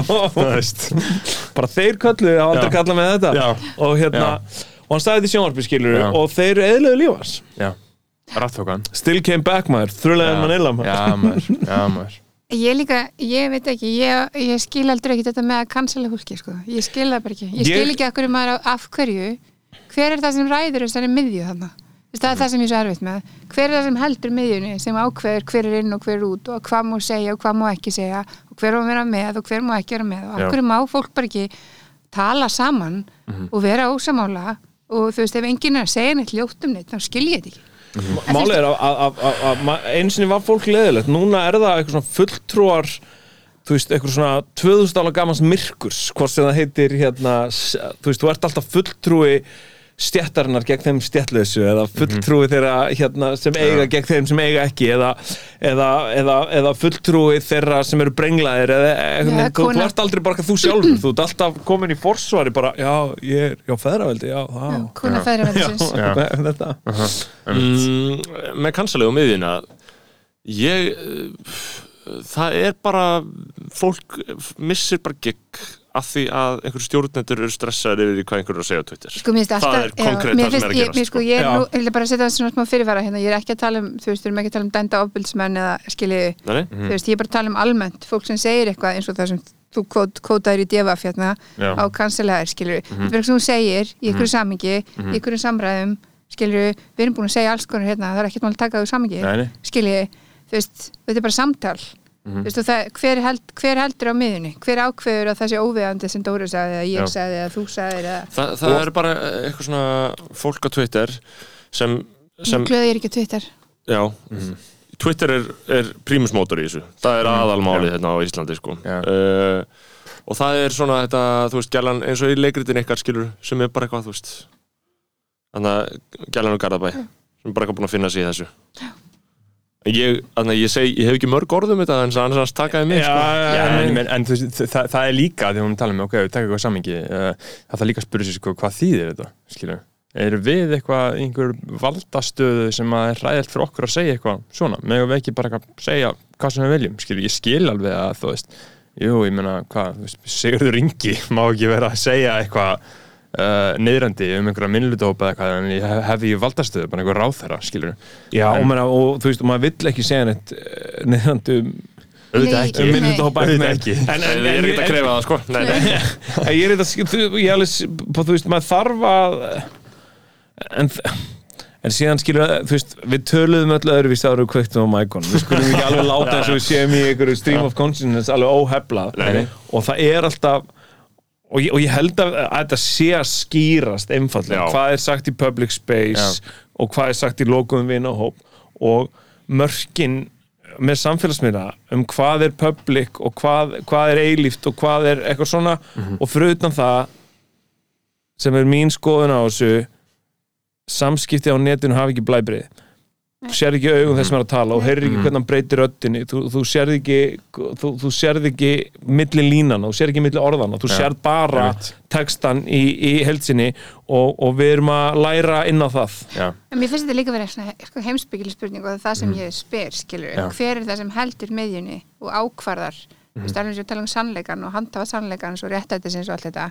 Að því þegar við eigum enga miðju lengur og það er, og því mér finnst þessi cancel menning og þetta, þessi, all þessi umræða snúast um það hver hefur valdið yfir miðjunni, Já. skilur, og það er það sem það snýst Já. um en er það ekki flöktandi lína? þetta er að flöð, þess er líka svo mikil Já, átök, hallast þú að einhverju svari um það hver heldur þessari miðju eða? Nei, ég held ni- engu sko, ég bara, Nei. þetta er bara, ég er Já, bara, þú veist að Bara spurning. spurning sko, að því að, að, því að þú veist, um, um ég bara, þegar við vorum að tala um KSI áðan og mér finnst bara svona augljóst þar baráttan um miðjuna þar það Mhm. setur ykkur lagfræðingur, eða það er eitthvað sem er sagt svo kemur ykkur lagfræðingur og segir eitthvað annað Mhm. svo kemur ykkur annar og segir, þannig er bara verið að berjast um sannleikan og Mhm. miðjuna og réttin til að, þú veist það, þetta er bara barátt um miðjuna Já. skilur, uh, hérna í umræðunni þú veist, að því að, að þetta fólk hefði ekki líka geta bara sleppt í að tala og leift því, sko það er, það er augljóslega eitthvað sem kom fyrir það eru augljóslega eitthvað sem voru þólendur í einhverju það eru augljóslega ekki allir sammálum hvað gerðist en þú veist, þurfum við að berjast um það á miðjunni? Hver hefur rétt fyrir sér? Við vitum það ekki, sko. Ég veit það, er Þú rosa veist, óþægilt að vera að hlusta á þetta mál. Já, af því þú ert eitthvað bara þegar það er einhver bara fjórði lögmaður út í bæ farin að byrta þú veist eitthvað svona bara úr skýslutöku lögreglu. Og á endanum ertu bara, er ég upp í rúminu hjá þessu fólki bara að horfa á rassina þeim þú veist bara hérna, hversu nála þarf ég að komast þessari þetta er kannski líka vont dæmi því það er, þú veist, mér finnst þetta kannski vont dæmi hjá mér af því það er líka, þú veist, það er er ykkur svona ábyrgðin og betra að dæmi er eitthvað sem ykkur segir Já, sem er ekki, þú veist, eins og það sem þú sagðir það er mjög gott dæmi, Já. þú segir eitthvað skilur sem einhverjum finnst óviðandi og það má ekki segja það í ykkur rými sem er þá miðjan eða rými, þú veist, sem að, þessi, svona má ekki tala í þessu rými. Þú veist, þá spyrir hver er það sem ræður það því að þú meir ekki se, segja það sem þú segir í ykkur rými skilur, hvað er það sem að gerir það, þú veist ekki að brjóta neinn lög. Þú veist, þú veist ekki geti, ég veit ekki hvort það getur fyrir meiðyrðamál við þig, þú veist vantilega ekki að tala um neina personu skilur þannig að hvað er það sem segir þú veist, var það siðferðslega ránt það sem þú sagðir, ég veit ekki að þú veist, þannig að þú veist, hver er það sem ákveður það? Einmitt. Það er kannski auðveldar dæmi heldur en þetta með kási því það er, þú veist, að vera að rífast um, um sannleika í Akkurat. ofbeldismáli það er, svona, er ábyrð fjölmjöla í þessu hún er svo fucking mikil í alveg þú veist, þegar devaf eða einhver Já. er búin að klípa þetta út og Um setja þetta í fyrirsögn. Já. hann veit fyrir hvernig hann er að setja þetta og hann veit hverju hann er að setja Já. þetta. Hann er, að, ha- hann er að fiska eftir ákveðnum viðbröðum og þessna ah, það er, ábyrð fjölmjöla er hann nefnilega. Og svona einhver lakk á, á ritstjórnastefnu Ég því að ef að einhver hefur þeir sem hlusta á þáttinn sem þú sagðir því Mhm. þeir eru geta bara hægt að hlusta þau ef þeim Já. Íta pásu? Eitt Já, að pásu, það er bara ógísla erfitt að hætta að selja heita lumur þetta er að fá kliks þetta er að fá Já. aðtigli og það er Mhm. ógíslega erfitt að fara að funda að segja bara, herru, við ætlum að fara að skrifa alveg fréttir hérna og hættu þessu kjaftaði, byrjum að því mánuði setna ertu komin, ertu sko komin á netið að leita á, á, á hennar vinna.is vinna með litlum fyrirvar á Facebook. En það, en það er líka það að sem. Já, til í að segja sannleikan en það er kannski líka það sem er svo erfitt í þessu að því mikið af þessu, sem hefur snúið að þessu kannski allavega umræði í sumar og, svona, og síðast ári hefur náttúrulega snúist um ofbeldi. Skilji, og það er náttúrulega Já. þetta önnur umræða Einmitt. heldur en umræða um það sem fólk segir Mhm. þú veist að hérna að skiljiði mig, Já, veist, það er já, svona já. önnur það er náttúrulega Já, umræða ég er sammála því að það er, það er ólíkt. algjörlega ólíkar og, og, og, Já. en, en, en sem þú skrítið það er Af svo því að ég tölvöldi viðkvæmara það Já, erfið að hafa það á, á, í, á fjölmjölum fyrir veginn. ég er eitthvað Ég er alveg sammála og ég hugsa oft bara Það er ekki sérhæfðan til að fjalla um Bara- þetta bara getur, ekki, getur þetta hætt sko. bara En ég og rost, skil sko. alveg af hverju, af hverju þarfin er til þess að, sko, að opna þetta Já. skil ég, og það þarf náttúrulega að opna þessa umræðu það þarf að breyta dómskerfinu það þarf að hérna, uh, veist, umturna okkur um hugsunætti og þetta er náttúrulega leið í því þú veist, en er náttúrulega bara að spilast út kannski uh, hérna oft uh, í óþarlegum dítilum fyrir fólk, þú veist, ég hef oft spáð í, þú veist, ég er sérstaklega hérna það var svona tímabila sem að vikan var alltaf með viðtöl við þólendur ofbildis uh, og það var verið byrta svona hérna, uh, þú veist, það var, þegar ég man ekki hvað er, eitthvað tíu ár síðan, mér var svona svona konar röða vikum sem voru bara við þólendur ofbeldis viðtöl, ég skilða alveg það verið að opna umræðuna, það verið að, þú veist, það er mikilvægt að þessar rættir heyrist og ég er algjörlega sammálaði, en mér finnst oft hvernig ofbeldi lýst í fjölmjölum, sérstaklega kynfyrirsofbeldi, mjög ég set spurningum ekki við Nei, það er líka bara kynf, sko, þú lest lýsingar þar hver er munurinn á því að lesa lýsing á kynfyrirsofbeldi og lesa lýsing á kynlifi Já, þetta er á Mhm. þú veist, veist, það, þetta er náttúrulega bara grafíkin er orðin svo veist, mikil já, sko. að því að sumt, sumt af þessu, ég þarf ekki að vita hvað kom fyrir, ég þarf ekki að vita í dítilum hvað viðkomandi gerði, sko. Nei. og hvernig er það orðað og hvað er, þú veist og hvernig lögum við það? Og það getur náttúrulega líka vissulega sleppt til að lesa það sko. já, auðvitað, ég, ég, ég les já, ekkert nei, svona ég sko. les það ekki heldur, Nei, ég bara tala um ekki. að því þú veist, auðvitað, þau, hérna, hérna, ég komin eitthvað, ég ringt með þetta Já. en, en, en hérna að því ég skil alveg að það þarf, það þarf náttúrulega orða þessu hlut og það, mér finnst það allt annir umræða með þetta, þú veist, með hver á rými í tengstum það hafa beitt ofbeldi Já. já, já, það er alltaf umræða Já. með versus þetta að segja eitthvað Já. ég held að við þurfum að gera greina með því að ég get alveg dáið að þeim hóli að fólk megi segja sitt sko. Já, skilur ég vil ekki degja þeim hóli að fólk megi beita ofbeldi ég hef engan, áhuga bara algjörlega því sko. sko. þannig að mér finnst rosalega mikilvægt að aðgreina það alltaf umræðinni að þú veist, við erum ekki að tala um cancel culture, culture Já. í þeim skilningi að uh, fólk uh, sé fucking sett á ís eða hefur gerst uppvíst að alvarlegu ofbeldi. það er bara geðið basic já, og ætti að vera óumdelt hitt er, að, hitt, hitt er rosalega eðlilegt að sé mjög umdelt á meðal okkar hvað má segja Já, og hvað má ekki. og það Já, er það er líka bara hluti samræða sem mun eiga sér stað alltaf sko. það er líka bara hluti að eðlilegu samfélagi að þú skilju að við ef að, ef að allir skilju svo lengi sem maður er ekki að náttúrulega sem maður segja, brjóta lög. Mhm. um, ef maður er ekki að segja eitthvað sem að er hérna ólöglegt. ólöglegt já, skilji, þá er þetta bara hluti að eðlum skoðanaskiptum. Já, og þ- þ- þ- það er náttúrulega svolítið svipað sko að segja eitthvað og náttúrulega flókna sko afstæðan með uh, svona afstöðuleysi skilur eins og þarna í síðustu svona bylgju þarna í byrjun sömars Já. uh, þá var uh, mikil svona krafa gerði á fólk að unfollow uh, svona meinta, já. meinta gerendur sko Uh, og það, það er svolítið svona skrítin krafa að gera og mikið outrage út frá því að fólk tók ekki afst, svona pjúra afstöðu gegn því Já. og það er svolítið svipað að segja eitthvað einmitt uh, en það ætti að kannski að aðgreina þetta Það, Já. það sem við þurfum að gera, við þurfum að venda hvað okkar er kross, ekki venda því kross, en við þurfum að huga að því sem er í þessari sýningu, af því að þessi sýningar, að því að þú veist, fyrir fólk sem hefur ekki séð sýninguna, það meikar ekki mikið sens að vera að fara í hana, en það er borgamálin er. Hvað lærðu þið um borgarmálin við að, að fara í gegnum þetta dót? Hvað, að, að hvaða niðurstöðu eru þið komin? Eru þið bara, viljið þið bara hafa alltaf hérna á hjólum eða viljið þið bara hjól? Eh, meina, þú veist, ég held að viljið þið þéttingu byggðar, eru þið með þéttingu byggðar? Já, Já, já, ég líka, ég líka. Ég fer alltaf hérna hjólið sko. og, og, og en, en, en, en að þú mátt ekki þú veist, í, þú veist borgar eins og sé, borgarlegin er ekki fullkomin hugmynd sko, og þetta er sko ógeðslega mikið rask, alveg sko rosalegt rask sem mun verða af lagningarnar fyrir rosa simpelt kerfi sem stendur eftir þú veist, hérna en, Já, er þetta ekki það næs? eða? ég er ekkert rosalega hlifin að þessu leiðakerfi sko. Nei, nei, leðakerfi er ekki fullkomin Leðakerfi er heldur gott þarna frá uh, frá gravarholtinu og nýri bæ skilur, Ok. þá er þetta bara ás einhvern veginn um Reykjavík og þú sér bara hver einasta stoppistöð mun verða, eitthvað svona kjarni eins og við þekkjum bara Já. í, e, í erlendu stórborgum og hérna, en það er bara óslega mikil synd að við séum ekki bara að leggja neðjarlest sem er það sem við viljum hérna í Já. norðanáttinni sko.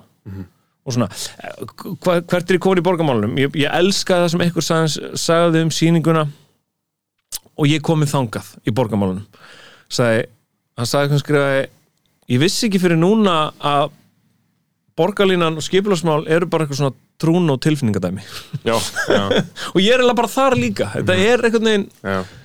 svolítið um bara vegi hjartans líka og það skipula ekki þá. En sko þið, og maður talaði um sko uh, blæbreyði uh, á samskiptamennum og hvernig fólk tjáu sig og hvernig hafa sig sko, sem ég fannst uh, besta við sýningunum í gær sko, var uh, líkamstjáning uh, hægrimannsins úr Já.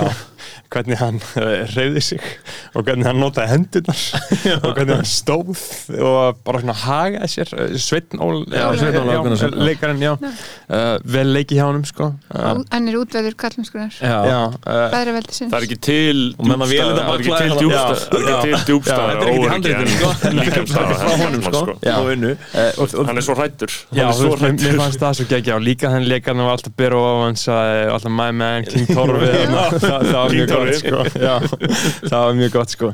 Uh, en það, það, það hlýtur að vera sko meðvitið ákvörðun ég minna hjá okkur uh, að hafa ekki uh, einhvern svona uh, út á sögum miðflokksmann. Af því að það, það væri ekki típa svolítið típist að skrifa þannig mann ég inn. veit það. Uh, af hverju- Eh, að ég segir af hverju af hverju var það ekki? að ég segir af hverju að því upphálega var þetta verk fyrir fimm personur Já. og mm. fymta personun í verkinu Var. átt að vera borgarfulltrúi hann er ekki með en svo mistum við leikonuna og ég ákvað bara einmitt að því þetta var kannski það var svona eitthvað svona low hanging, lowest hanging fruit karakterinn að Já. bara slaufunum að þú veist, Já, það var að vítis haugs bara já, svona byggt á henni og Já. mörgum Já. svona eitthvað sem hefur raunverulegt vald í þessu og eitthvað Já. svona Mhm. það átti að vera eitthvað, Já, einmitt, þannig að það er bara dætt út. Það er bara datt út. En eru, eru, eru skipularsmálinn þá ekki kannski jafn svona sagt, hugmyndafræðilega, pólitíst, er þetta bara það er þetta, er þetta tilfinningamál bara? Það eru staðrindir fyrir mér, fyrir mér skilur að því ég fíla þarna borgarlínuna, ég minnst það bara allir eða pæling. Og þegar þú segir eitthvað svona þú veist, að því ég er bara svona með borgarlínu við erum bara að fara að gera þetta það kostar 160 miljardar eða 330 miljardar bara fyrir eftir hvaða grein í mokkan og lest. Uh, og mér er alveg sama hvað það kostar mér er alveg sama hvað þetta verður í raun og veru. Það, það, mér finnst það sanna hvað mikið tilfinningamál þetta er þú veist, og þegar þú byrjar að tala um leiðakerfið eitthvað hvernig þetta verður, ég, bara, uh, ég nenni ekki að hlusta á suð Já. um það hvernig borgarlínan í raun verður sko. það varða mér bara ekki neitt. ég er bara henni. Ég er bara skýrslu. sko, þetta er tölum um upplýsingar uh, til er plagg sem er reiknað út af mjög færum verkfræðingum um fólksfjölgun í Reykjavík. Og einhverju ennhæfari verkfræðingar er búin að reikna hvaða áhrif það mun hafa á umferðin í Reykjavík. Það mun hafa katastrófísk áhrif á umferðina í Reykjavík. Bara eitthvað Los Angeles. Niðursta enn fleiri verkfræðinga er svo að það verði að byggja nokkur misleikatnamót koma á stað eitthvað skonar mass transit system til að fækka bílum í umfyrinni og gera aðra samgöngumáta físilegri allt svo til þess að æðakerfið springi ekki alveg. Og þetta eru ekki stjórnmálamenn sem komist að þessari niðurstöðu heldur sko tekkarar. Science. Sci- it's science bro. Já, eh, eigum við ekki bara og svo, þú veist, niðurstaðan er bara þurfum alminnissamgöngur og alminnissamgöngurnar sem við fáum er borgarlínan bara að því að þú veist, Dagur B bara sælandir, veski er ekki tróði núna. Við getum skrifað viksil skilur, veist, eitthvað svona. Við eigum bara ekki fyrir meira en borgarlínunni núna sem hefur verið kallað strætó með varlit og svona. Já.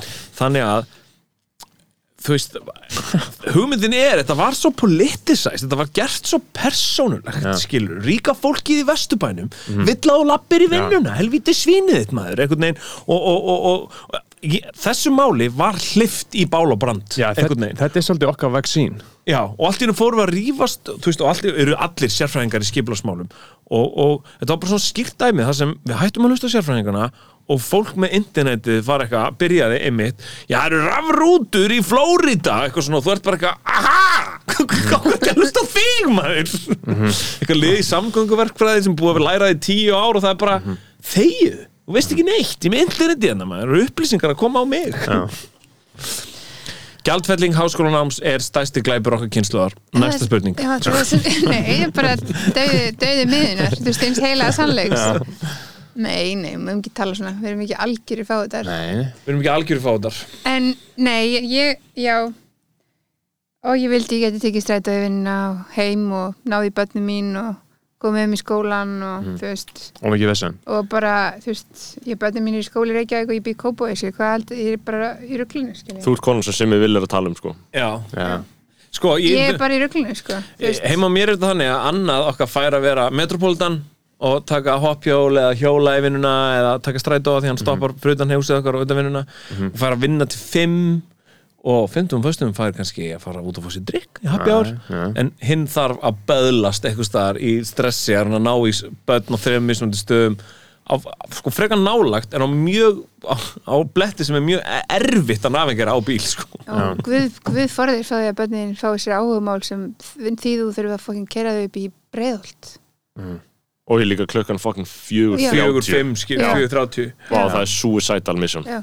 Það er svo erfitt að komast það í tónlistaskólum í borginni að svona minn er í tónlistaskólum í breiðholti Já, ég er þar í, ég er með, þú veist, kemst ekki inn í Vesturbænum, hann ég er með hérna í Já. bæ og það skapar nú nóg, nóg mikið friksjón, skil. Já, og það er bara, þú veist, klukkan fjögur koma barnin upp í breiðholt Fyrir ykkur sem eru foreldrar Þeir eru kjósendur uh, Þið uh, lifið þessar hverstæðslega aðstæður Ég lifi í tómarúmi sko, ég er bara singul Og ég er bara fyrir vinnuna á hjóli, hjóli. Og ég bara þarf ekkert, ekkert að gera sko uh, Nefn að hugsa um tröppuna sem Dóri vill ekki smíða fyrir mig.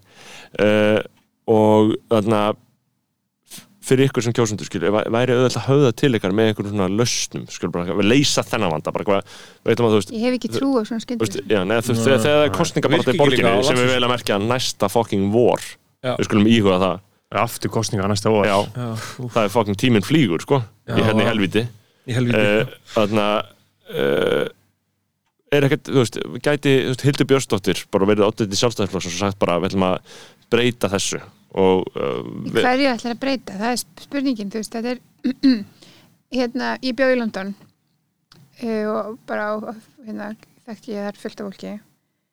Það eru mjög góður almenningssamgöngur. Ég tók strætó um allt. Eða labbaði. Mhm. Uh, hérna, vingurum minn hjólaði allt. Tekur ekkert lengur en klukktími í London eða skipulegur, bara getur verið komin um halva borgina bara meiri hlutan af henni Já. á engum tíma þú kant á almenningssamgöngur. Allir vinnir minni leiðið einhvers börn. Þeir fluttu frá London og búa í einhverjum stöðum eins og Oxford eða Cambridge eða Bristol eða eitthvað þar sem að þú getur labbað og þú labbar út á lestastöð og tekur lestina í vinnuna.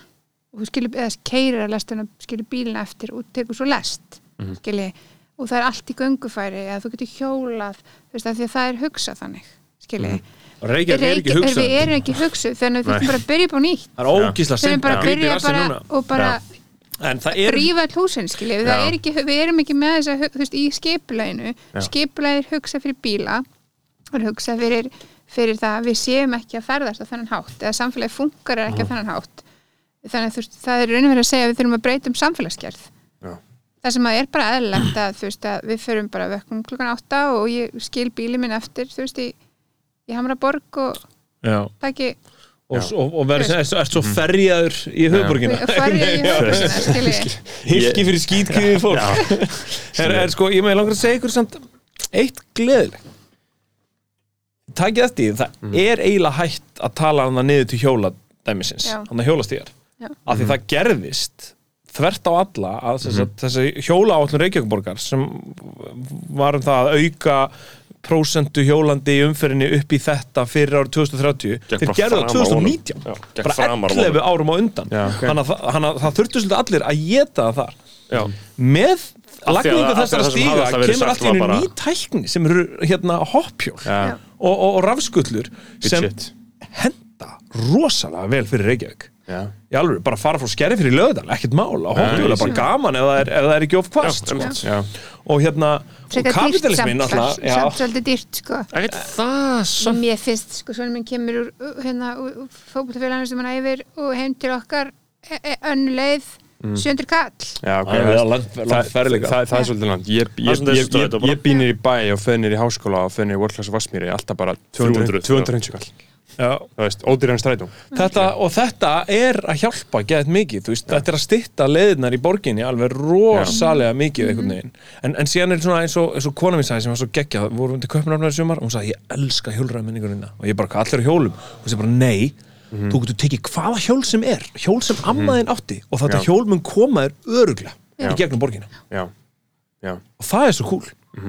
Er mjög þarft ekki eitthvað þarft ekki eitthvað nýtt Cube 430 skrónur sko, uh, það er ég að er að eiginlega bara- byrja- við- byrja með við- eitthvað nýjan þátt já, hérna. við það komur einhver metalhausar inn, svonum er að byggja Lego inn á frammi, bara eitthvað. Uh, við erum að renna út á tíma. Að uh, við erum búin að fara yfir þetta allt. Við fórum við þetta allt. Við fórum yfir þetta allt. Við vitum gaman að fá hver okkur. hver myndir að kenna. Og getum öll verið saman um það, sorry. Að kapitalismin skapar þá dýnamík. Sem, sem Við viljum- blanda kerfi Já, við erum economically sovjesk culturally bandarísk. Þáttu kemur út, þáttu kemur út daginn fyrir kjördag sko. Þannig að hva- hvað ætlaði að kjósa? Bara að rétt að lókum Já, Þið verða að klippa þetta út sko. Já. Það er fólk sem heldur ég ætla að kjósa sig. Já. Ég segi alltaf alltaf ég ætla að kjósa þig sko. Heyrðu, gaman að fá okkur já, Hvað segirðu? takk hérlega fyrir komuna. Heyrðu, Já,